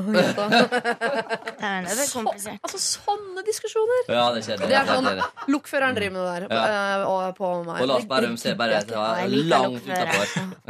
Gidder ikke sånne Ja, men det, er, det er fordi du ikke drikker. Gaute. det, liksom det tar vi på nachspiel, vi. Ja. Dritings tar vi de diskusjonene. Ja, du har lært mye på nachspiel, har jeg lært at du har lært. Ja. Ja. ja jeg har lært Om kildesortering og alt. Ja, ja, ja, ja. Ja, han kan. Det er egentlig alt jeg har av kunnskap, Har er nachspiel-basert. Ja, ikke sant? Så jeg, jeg kan ikke Det er ikke så Du har jo gått en dag eller to på skole òg, eller? Ja, videregående. Ja, jeg er jo utdannet sykepleier, så Ja, der har jeg, men det er liksom Det er det. Ja. Og det har jeg lært masse. kunnskap. Er det tre år? Ja. Sykepleier? Ja. Og så er det turnus? Eh, nei, det er leger som har turnus. Jeg er sånn Ja. tre år, og så er det jo kjempe om å få jobb, da. Ja. Ja, Men det er noe praksis. Ja i, i, eh, det er veldig mye praksis i sykepleierutdannelsen. Men det er ikke sånn at det slåss jo for sykepleiere, så får du ikke jobb. Det er det spesielt. Ja, det er det. det er ganske fordi at uh, sykehusene der ute tjener jo bra på å ha eh, midlertidig ansatte og i sånn prosentstillinger. Ikke Mm. sant? Istedenfor å ha 100 Så det er, det er ofte vanskelig å få seg 100 %-stillinger. Ja. Uh, så det er veldig dumt, da. Men Er det det du ser etter nå? Hva sa du? Ser du etter en sånn jobb nå? Nei, ikke akkurat nå. Nei, for jeg syns jo det ser ut som du er travel nå. Ja. Du trenger ikke nå- 100% stilling som sykepleier du nå. Nei, det trenger jeg ikke. Nei, Det hadde vært Nei. veldig gøy, da. Det hadde vært dritgøy. Kunne blitt sånn eh, Patch Adams, bare sånn syke Gikk rundt og var sånn klovn. Ja, sykehusklovn, ja. Ja. ja. Kunne vært morsomt, da. Mm. Litt sånn standup. Standup og rumpevask. Nei, nei, unnskyld. Nå er jeg med på det der eh. Stigmatiseringa. Stigmatiseringa Ja. av sykepleieryrket. Mm. Det var ikke Men meningen. mens Men vi turboneger vasker jo rumpe. Det er, ikke, det er jo helt riktig, det. Ja, ja, ja. og det, og det er en veldig viktig jobb, og jeg, kjen- jeg setter veldig pris på alle som er sykepleiere, som jobber på sykehus og gjør den jobben her. Skal. Jeg har så respekt for det, for jeg hadde Mm. vet ikke om jeg takler det sjøl, og det er, det er veldig dumt å si, for jeg tenker at jeg skulle kla- ta, takle alt, men akkurat de greiene der vet jeg ikke om jeg fiksa. Og veldig respekt til deg. Som Ja. gjør det.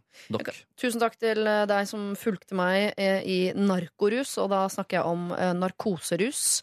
Eh, Da jeg gikk i en sånn åpen skjorte med sånn høy rullator inn på handikaptoalettet for å tisse med åpen dør.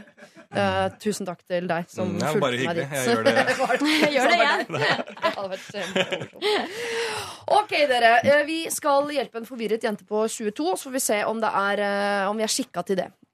Hun skriver Kjære Lørdagsrådet. Jeg har vært sammen med en jente i fire år nå. Vi har det veldig fint sammen, vi har vært samme verdier og liker stort sett å gjøre de samme tingene. Jeg ser for meg at vi kunne fått en veldig fin tid sammen når vi blir eldre, og jeg kan egentlig ikke se for meg meg selv som gammel uten henne. Til tross for dette, nesten helt perfekte forholdet jeg føler, eh, så er det noe som ikke stemmer. Jeg har aldri hatt sjansen til å date noen. Det gikk veldig fort med oss.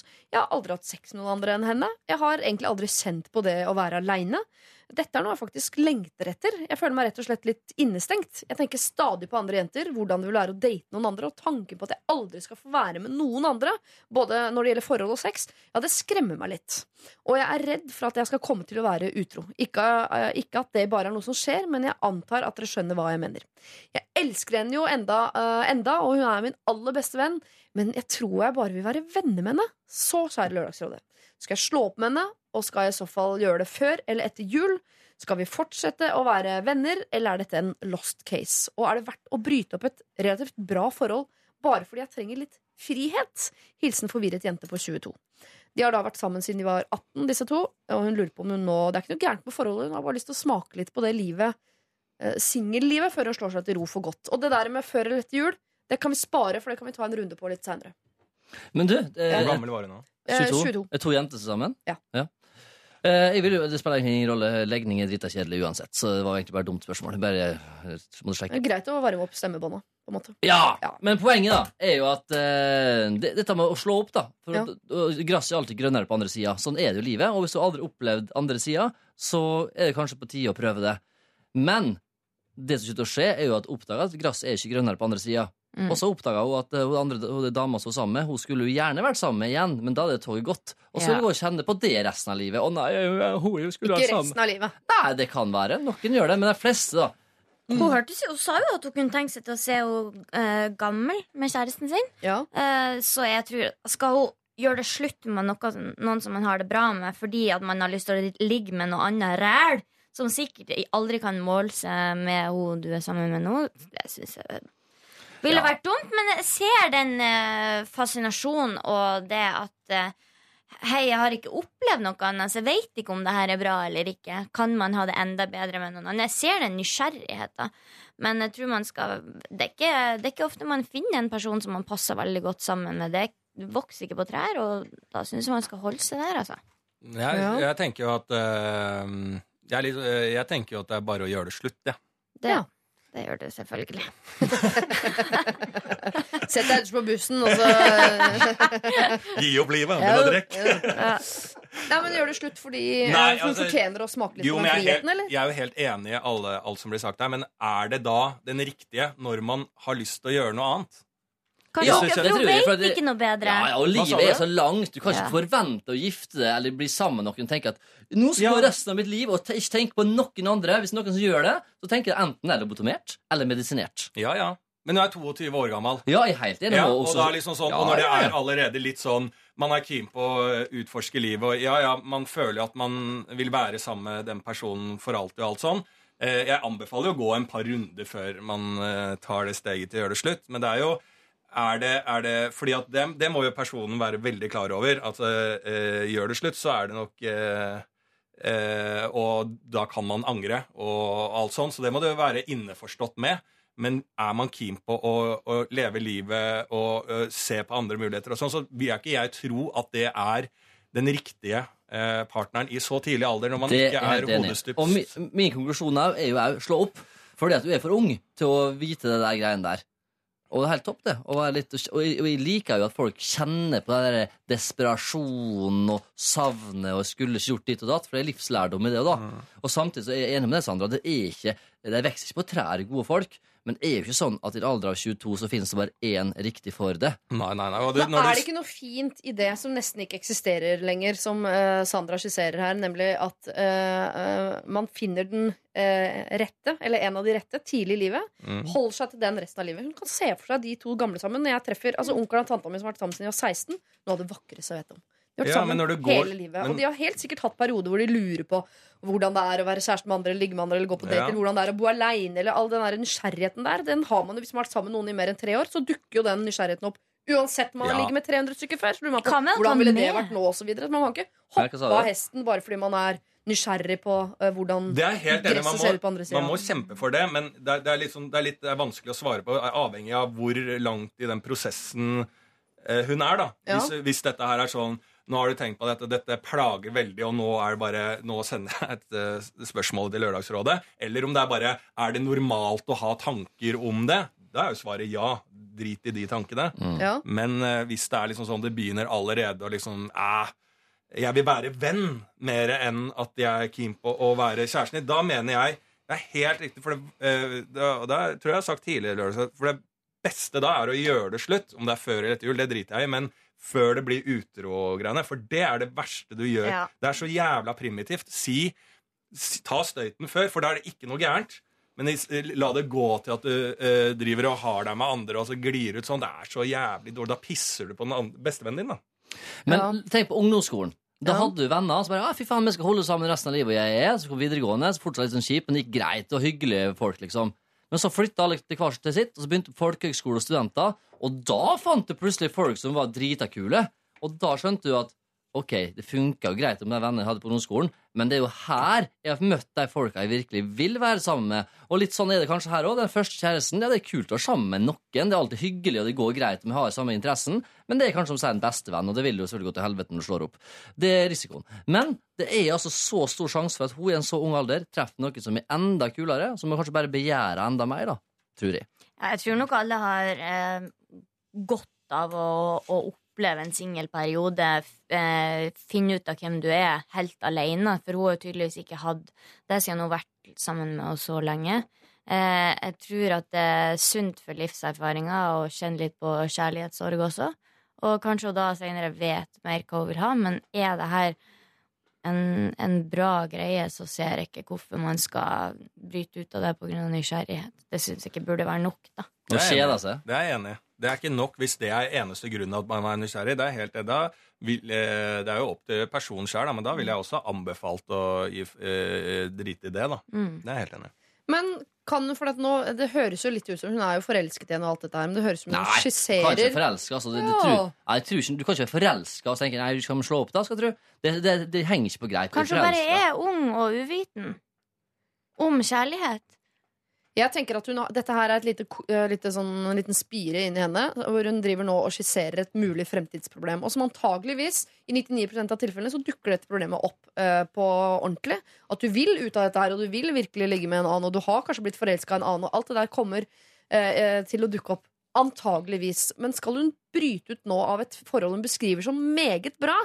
Bare fordi hun kanskje på sikt kan komme til å bli nysgjerrig nok til å skulle ønske å, prøve Altså, noe annet. livet er jo altfor kort. Du vet jo aldri hva som skjer i morgen. Man gjør jo ikke det. Har man det fint, så skal man sette pris på det. Ja. Syns jeg. Du mener hun skal bli inntil det eh, Inntil, forholdet her ja, hvorfor, hvorfor hvorfor ta dårlig. sorgene på forskudd, på en det er jeg helt enig i. Hvis du har det bra, så slapp av, liksom. Mm. Men, men til Ja, men den Har man det bra når man begynner å tenke at man er keen på Ja, men jeg tror andre? at hun bare er nysgjerrig og usikker, rett og slett. Det, Det det virker som hun elsker denne personen. Pessimister er jo sånn Ja, han har med det dritbra, men det kommer jo godt, kommer til å gå til helvete. Mm. Og det er jo, Sånne folk er jo veldig slitsomme å ha med å gjøre. Du må jo ha trua på det du driver på med. Du kan ikke bli sammen med noen hvis du tenker at dette skal gå til skogen. Så Sånn sett så vil jeg tenke hold skuta i drift til det ikke er vind lenger i seila, og da kan du eventuelt hoppe av. Eller så kan det være den største tabben du gjør. Ja. Og det vet du aldri. Det kan jo det også, sant? Jeg tror Hun sier at hun er forvirret, men hun er i et eh, bra forhold. Jeg tenker at Du skal vente til du er litt sikrere på at Mm. Ja. du ønsker noe annet før du går ut av noe som er bra. Ja, og det synes kan jeg. man jo si også. eh, Det sier du. I forhold- ja, men i, Hei! Det var den type programleder. Faen. Men, Sorry. Nei, men at eh, eh, nå- Jeg har vært singel og, og vært i forhold og alt sånn, og det er jo ikke noe Jeg personlig det er jo ikke noe gøy å løpe rundt og være singel og eh, Det er jo personlig, det også, da, men det er ikke det, det er mye gøyere å, å, å gi mye mer å være sammen med en person hvis man vil det, da. Ja. Enn å, for det er superkult å være singel og være nysgjerrig og møte folk og eh, innlegge fl- flørter og alt sånt. Det er dritgøy, det, men in the end så er det jo Hvis hun har noe dritkult, så er det ingenting som slår det, da. Men du er glad du ikke er sammen med hun du var sammen med når du var 18? Antagelig. Ja, Ja. ja. det, er, det er jeg også veldig Ja. Ok, men Da tror jeg egentlig vi er ganske nærme en fasit for forvirret jente på 22 uh, her. Uh, vi skjønner uh, nysgjerrigheten din og uh, tanken din og sånn, men så bra som du forklarer eller forteller oss at dette forholdet ditt er nå, så syns vi ikke det er verdt å bryte ut av det allerede nå. Det betyr ikke at du ikke kommer til å gjøre det en dag. Det kommer du etter all sannsynlighet til å gjøre. Men jeg syns at forholdet må være dårligere før man velger å gå ut av et forhold bare for å se om noe annet også kan være bra. Det fins masse bra ting der ute. Men det betyr ikke at du skal hoppe rundt fra, uh, mellom alle ting som er bra, bare for å sjekke det ut. Nei, for da blir sjelen din tom, faktisk. Ja, Da blir sjelen din tom. Hvis du skal gjøre det, gjør det etter jul. Ja, jeg, ikke la oss sitte og være, ha hjertesorg i jula. Nei, men det der er jeg ikke helt enig med dere. Også, for det er noe med å sitte liksom hos eh, familien til svigers da bare Ja, ja, alt går bra, og ja, så blir det planlegging i sommerferien, og la, la, la. Og så vet jeg at det 1. januar skal slå opp. Ja, Det er bare seigpining. Nei, nei. Jo, det handler om at du skal når, du må holde Nei, la han ha det Nei, det, hyggelig i ikke- det jula. kan ikke være så ego. Der må du ta en for Ego, det handler jo om å være hyggelig mot alle andre. Være ærlig og åpen. Sånn der, vær så god. Kan du bruke to uker på kjærlighetssorg? Dritbra. Jula er mørk og trist og fin. Ligg der og grin. Så er nye ark eh, første nyttårsdag. Hva skjedde med det? Hva skjedde med meg? Er eh, Plutselig beinhard.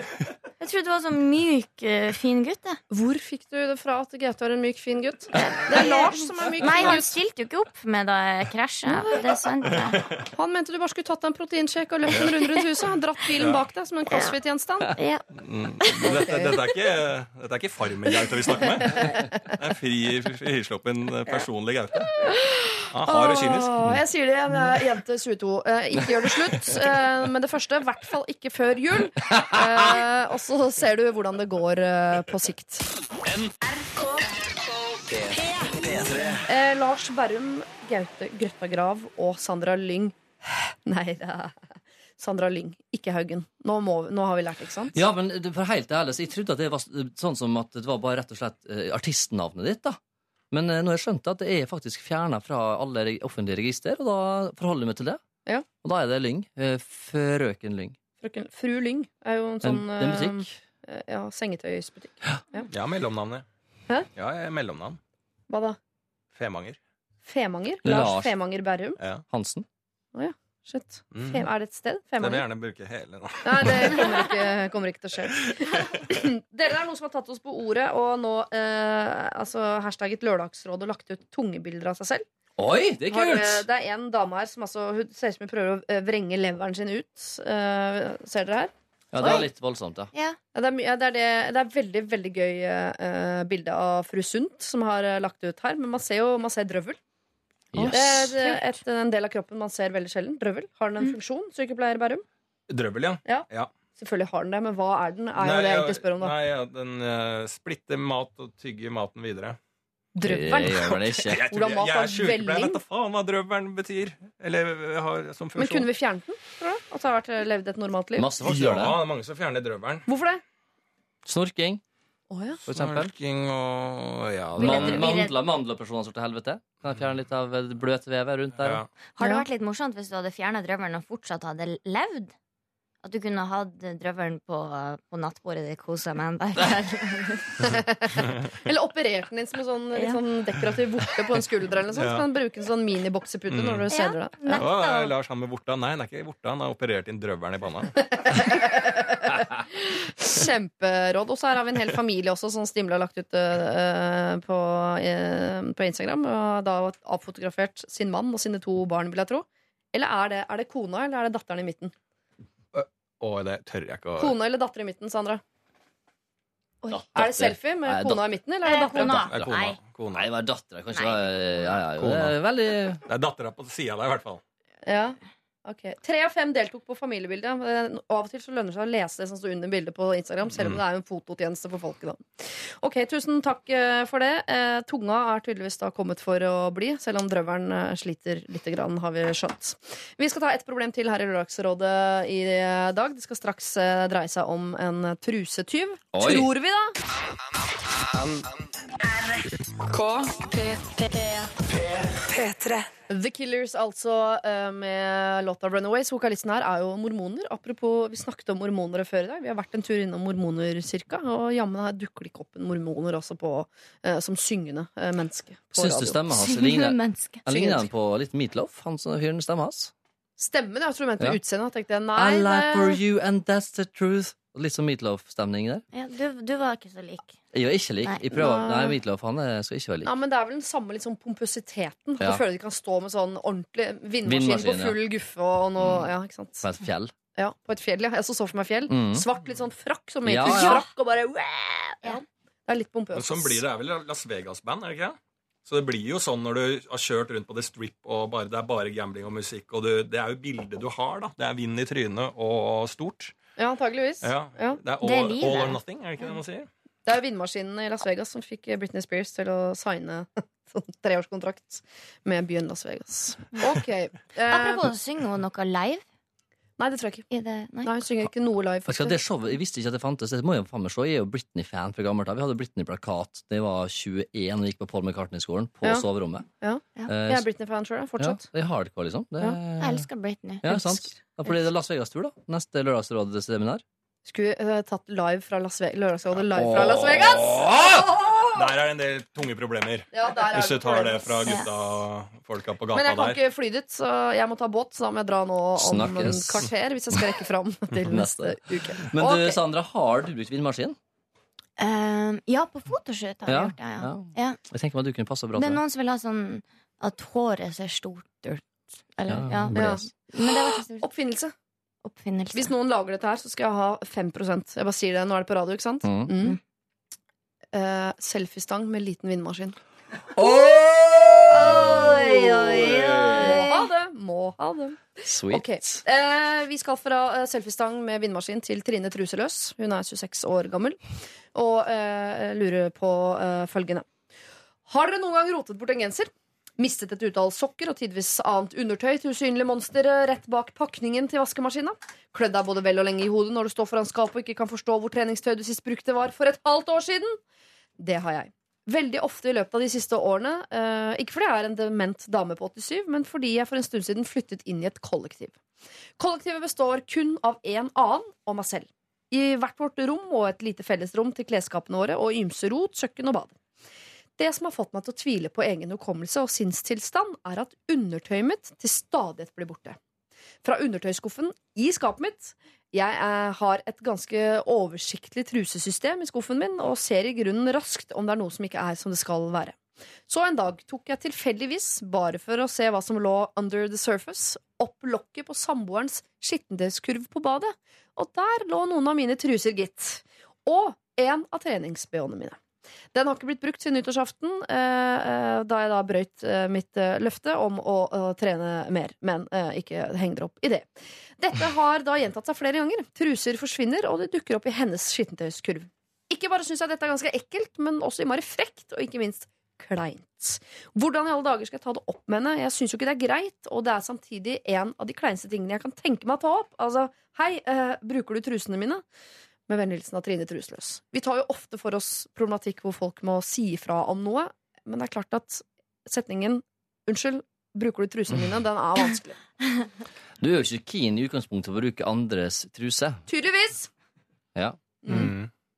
Uh, Nei, det er, syk, det er, det er litt uh, sykelig, da. for, men folk gjør Kanskje mye Kanskje du har nok truse og venninner? Så jeg sløv vaskinga, tenker jeg. Ja. Nei, men det er, vet du hva, Sånne folk, sånn som du bor sammen med deg det er, Jeg har bodd i sånn kollektiv, det er, det er de mest irriterende som gjør sånne ting. For de tar seg friheten fordi at det er så jævlig vanskelig å ta det opp. Ja. Så kan man gjøre det. Så det liksom eh, kan bruke sover i, ha eh, venner som sover i senga di en hel helg når du er borte, og bare For det er liksom sånn, Har noen sovet uh, i senga og bare brukt rommet, så bare sånn Nei, det Nei. Det er jo en Og det er grunn veldig ja. vanskelig å ta opp de tingene med en gang du får nei tilbake. Sånn Om jeg bruker trusen? Nei, nei, nei, jeg fant noe på gulvet, og så får du en løgn tilbake som du vet er løgn, men så er det kleint å gå videre på det. De er sånn mest utspekulerte eh, sånn kollektivboerne. Det er en grunn til at vi Ja. lærer eventyr om hun jenta som går i skogen inn og eh, voldtar huset til seg bjørnene. vet du. Sitter på stolen, spiser graut, ligger i sengen, og så kommer bjørnene tilbake, da blir hun redd og drar hjem. Det det er derfor du skal lære at du skal ikke drive og ta Hva heter hun? Øh, Bjørnungen, eller hva? Nei, nei, nei. Hva heter hun, da? Jernteppen. Nå skjønner alle som hører på hva det er for noe. i hvert fall Ja. ja. Du, poenget, du skal ikke gå inn i andre og ligge i andre seng uten å spørre om lov. Du skal ikke spise andre sin graut uten å spørre om lov. Du skal ikke bruke andre sin truse uten å spørre om lov. Så det jeg tenker her da eh, I stedet for å ta det opp, finn ei kasse fra Claes Olsson med hengelås på, og putt trusene dine i den, og lås. Ja, for da vil hun skjønne at hun andre vet, ikke sant? Det Eller er- gi jo masse truser fra Elkjøp. Nei, det, de har vel kanskje ikke truser. Ellos. Er Eh, dine, Ellos Ja. eh, i julegave. Sånn hint, hint. det er kult. Ja, Vanligvis er ikke jeg så veldig eh, tilhenger av hinting som kommunikasjonsform. Jeg mener at det er et, eh, et språk som må dø ut. Men akkurat her Liten hengelås på truseskuffen og en sånn syvpakk med Walt Disney-truser til jul eller noe sånt. Ja. Det er jo ikke så dumt. Det er kul det, måte jeg, å det er såpass da. tydelig hinting at tar du ikke den, så uh, da må du begynne å låne andres hjerne også. Nei, Det syns jeg er en kul måte å gjøre det på. Ja. Det, er bare, det, er ikke, det er helt klar beskjed, det. Jeg vet. Eh, Så Mm. nå må du uh, ordne opp litt. På en litt artig måte. Mm. Den, er ikke så, den er ikke så vond. Og så slipper du den, for vanligvis så tenker jeg sånn Si fra, da. Men eh, setningen 'er det du som bruker trusene mine?' er såpass klein at der merker jeg at der må vi finne en slags omvei rundt. Og det er så artig her nå, om dette eskalerer, da, om hun da går fra truse til et annet produkt i huset. Du har Eh, tydeligvis hatt trenings-BH. da, Ja, ikke sant, denne må du også inn, da. Men jeg Ja. så går det noe til kopp, eller går det til sokk? Altså, da må man Da helt må, begynne, å- da utvide. må flytte. Ja, det er akkurat det. Enig. Hva, eh, men uh, uh, bare for å få inn et lite snev av hevn her, som jo alltid er gøy, da. Uh, litt kløpulver. Litt kløpulver i trusa, eller? Du, sine egne truser. Ja, det er ikke lurt. Ja, liksom du bruker sjøl, da. Du kjøper jo en to-tre eh, truser som du legger tilgjengelig. Uh, Men det er sikkert hun vil ha den. Hun vil ha sikkert, har sikkert på preferanser på farger. Hun vil ha. Victoria's Secrets-truser. Ja, ja, ja. Også, for det er jo sånn som jeg gjorde en gang. Jeg tok også og hakka sånn der chili, og så vaska jeg meg og dro på byen og sånn. Så kom jeg hjem til jeg var sikkert 22 år eller noe sånt. da Ramla jeg hjem med ei dame, da. Og da, vil, Får vi fingerhistorier fra fortida nå? da stoppa jeg der. Nei, ikke stopp! Ikke, nei, ikke stopp! Fortell ferdig, Det var det! Det var det, ja. Det er fingerhistorie fra fortida. Det var Ja. chilifingring. Som, ja. Chilifingring! Ja, sant? Det, og da, du, du veit aldri hvordan chilien og kløpulveret blir av. da Så du, Det henger på. liksom Før du vasker, så henger det i. Ja. Og det er som å gutta som går på do, ødelegger jo for seg sjøl. Men Ja. når du da ender på byen og tar med folk hjem og driver på og lager mat og er 22 år, så er det plutselig ganske Eller artig vri, da. Kan Hun du si. trodde sikkert hun hadde gitt henne en alvorlig kjønnssykdom som Ja, ikke hadde et tenk- navn engang. ja, Eller hun bare tenkte hva faen er feil med meg? Men når du har vært på byen, har du ikke merka det sjøl? Sitter du når du tisser, da? Eh, ja, det kan jeg faktisk godt finne på. På byen? da? Eh, ja, på, men de har en sånn stålblære, som det kalles. da Ja, de, du har... de drikker ikke så mye øl, vet du. Nei, det er det sant. Nei, så jeg, sitter, kan gå på do kanskje på morgenen, så går jeg på do igjen på kvelden. Men Og det gjør vel ikke vondt å få chili altså på uh, På kuk, jo. Men på utapå forhuden. Man holder jo ikke på selve Nei, men hodet når man Gaute er jo omskjært. Eh, det er ikke Men det, men det gjør faktisk eh, Mye vital informasjon mot slutten av sendinga her. Mark. Ja. Det. gå inn på det. Jeg tenker at det er, jeg er en sånn spesialsending på, fordi det handler om du rister eller om du drar. Eller om du, ja, det er mye forskjellige måter å tømme utstyret på, da Ja. som kan eh, faktisk ende opp med at du kan få litt chili der. Det er mange forskjellige måter å tømme utstyret på. Det. skal jeg sitere deg på i all framtid. Men der var du trønder. Da var jeg trønder, men Gaute er litt trønder. Syns jeg, da. Eh, dere, eh, siste Vi holdt det så fra- bra. Ja, det gikk Ja. Og så bra. Helt til nå. Gikk vi ned i kjelleren på slutten. Trine Ja, men, ja, men hva, hva gjør du da, Lars? Jeg må bare Jeg var ikke helt ferdig, jeg. Hvor er vi på fingring nå? Eller Ja, trusetyver? Hvor er vi? vent, Chili. Ja. Ja. altså, hvordan får du Tømt. tømt eller, Hvordan jeg tisser? siste, Tisser du med hansker, eller? siste, siste dråpen? Tisser du Nei, med nå hansker? vet jeg ikke hva jeg har sagt. Jeg. Når du har skåret chili og må tisse etterpå, hva, hvordan gjør du det? Sitter du? Bruker du hansker? Nei, nei. Nei? Nei, jeg, jeg vet ikke. Jeg men hvordan jeg tisser, er jo at jeg holder tissen, og så eh, Hvis jeg er på toalettet, så kanskje jeg tar papir, eh, sånn at det ikke drypper etterpå. Eller rister den. Ja. Blir det papirarbeid, da? Hæ? Blir det papirarbeid? Det er flaut. Det er Nå vet ikke jeg helt hva vi snakker om lenger, men er det chili Men jeg, Jeg har har et ikke- for... Hei, hei, hei, hei, hei, hei, hei. det nå. Har jeg et forslag. Dere tre tar en liten tur på kafé etterpå og forklarer hverandre hvordan dere tisser. Eh, For folk flest er ikke det så interessant. Og i hvert fall ikke for Trine Truseløs, som lurer på hvordan hun skal bli Stakkars kvitt hun. problemet sitt. Og Men poenget er ikke kløpulver i trusa. Var det som er konklusjonen? For Ja. Vet aldri hvor det kløpulveret ender opp, og plutselig er ligger det i egen truse, og da Ja. kan det bli røft. Ja, så får du kjønnssykdommen piri-piri. Det er ikke bra. Eh, du må sette en eh, Du må sette en hengelås på eh, ditt eh, skap. eh, der du har trusene dine. Og du må i tillegg eh, også eh, Hva var det andre? Eh, Hengelås på skapet. Og så Ja. gi eh, syvpakk med Disney-truser til jul. Ja. Okay. Om det er eh, Trine Truseløs som får kopp eller ikke, det vet ikke jeg, men hun er altså en av kandidatene. Dere nå skal dele ut en eh, kopp eh, til. Her er de andre kandidatene. Torjus, som er da en kuk med dårlig samvittighet, kan få kopp. Vi har Anna, som er nysgjerrig på mormonerne, som vi snakket med på telefon tidligere i dag. Vi har fyllesyke Karoline, som har blitt bitt av crossfit-basillen.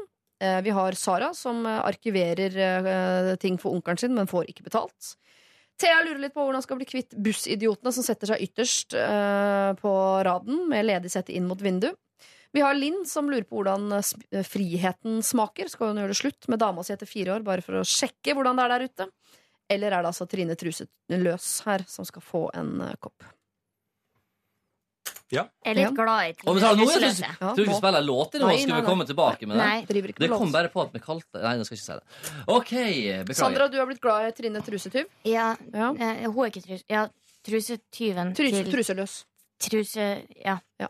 Jeg, lik, jeg liker henne. Det er jo et nytt Ja. hint da når det ligger en Lørdagsrådekopp på bordet i kollektivet. Så skjønner jeg hva Å ja, Lørdagsrådekopp, hvorfor har du fått det? Ja. Hengelås tsk, tsk, tsk, tsk. Mm. Ja, Ja. kan man si sånne ting. Men hun derre eh, dama som eh, var usikker i sitt eget forhold, fortjener jo også en litt sånn kopp eh, eh, for eh, For det dilemma, kjærlighetsdilemmaet der, syns jeg, da. Ja. Så har dere å holde fast i, liksom? Ja, eller liksom sånn Ja, hold fast i den. Ja, for det er faktisk, det sa vi ikke i stad, men det kan man. Det er jo lov å si i forhold sånn Vi har vært sammen i fire år. Jeg merker at jeg begynner Så er jeg redd for at det skal være utro. Jeg Vi har jo aldri vært single. Overlever vi? Nå må, vi må ta et grep for at vi to skal overleve sammen resten av livet osv. Det, er det er jo ikke så dumt, da. Å være ærlig på hvor man er hen. Og eh, Dolly Parton sa jo 'Stay by, stand by your man'. Sa det. Mm. Men eh, det her er jo ikke en mann. Det er jo dama. Ja, det er hennes. sant. Ja. Stand by your Du, jeg, jeg, jeg merker at jeg synes det har vært veldig høy kvalitet på problemene i dag. Det må jeg få lov å si. Jeg tar eh, cred til le- leserne, holdt på seg, til Jeg sier takk på vegne av dem. Og for meg er det helt samme. Dere kan få velge dere to. Ja, jeg syns jo også litt synd i henne der som må sitte og arkivere og arkivere uten noe lønn. Gi henne en kopp som lønn, da. Ja, Ja. det kan vi, Ikke sant? Skann og skann uten å få Alt du får, er mat. Hun kan drikke Ja. òg. Ja, gi henne en, ja, en kopp. Gi hun en kopp, og hun fortjener Ja. betaling. Og Ja. Sara rett og slett får en Lørdagsrådet-kopp i mangel på betaling fra sin onkel. Ja. Skal man selge den på finn.no til sjukt mye. Det gikk den ikke for 10 000 i forrige uke, tror jeg. En kopp. På Finn. Ja. det har vært veldig gøy. Uh, jeg har ikke sjekka Finn-profilen, den falske Finn-profilen min ennå. Hvor mye det går for de koppene der. Ok, dere. Da blir det en kopp til uh, Sara. Eh, det eneste dere får, er eh, et ønske om en eh, fortreffelig lørdag videre. Men fint, se på Farmen-finalen i morgen. Klokka vi begynner åtte i morgen. Da er det altså, det står mellom tre fantastiske folk, Marte Øystein og Eilev, som skal slåss mot en finale. Med mindre Ja, og Det kjøp singelen min Night After Night. Men også i den videoen uh, som du har lagt ut, Sandra, også, fra siste uh, låta di, hvor ingen av oss har fått spørsmål om å få lov til å være med på den. Nei. Men Det er. Men dere var på ønskelista. Men da kan jeg si sånn, nå er det liksom Farmen-finale på Gaute. Du har sluppet låt uh, og, som gjør det jævlig bra. Uh, hva skal jeg? Hva skal du? Jeg skal til Askim og ha standup, så det er bare å stille opp på de som er der. Ja, men det er jo bra, da. Ting på gang. Er Du, det gæren? er jo ikke så Noen langt må fra der jeg være trubaduren i gjengen nå. Ja. Mm. Kanskje jeg skal ta, jeg sette meg i bilen og kjøre til Askim i kveld og se på standup. Ja, gjør det, Ja, jeg lurer på om jeg skal gjøre det. ja. Mm. Men det er veldig hyggelig, folkens. Jeg, jeg liker dere, alle sammen. Jeg liker dere alle sammen, jeg også. Jeg liker nesten alle. Eh, send inn eh, problemer til oss, lralfakrøll.nrk.no. Vi er tilbake om en uke, hvor vi da eh, gir oss fatt på nye problemer. Hei så lenge! Dette er P. P. P. Dette er P3.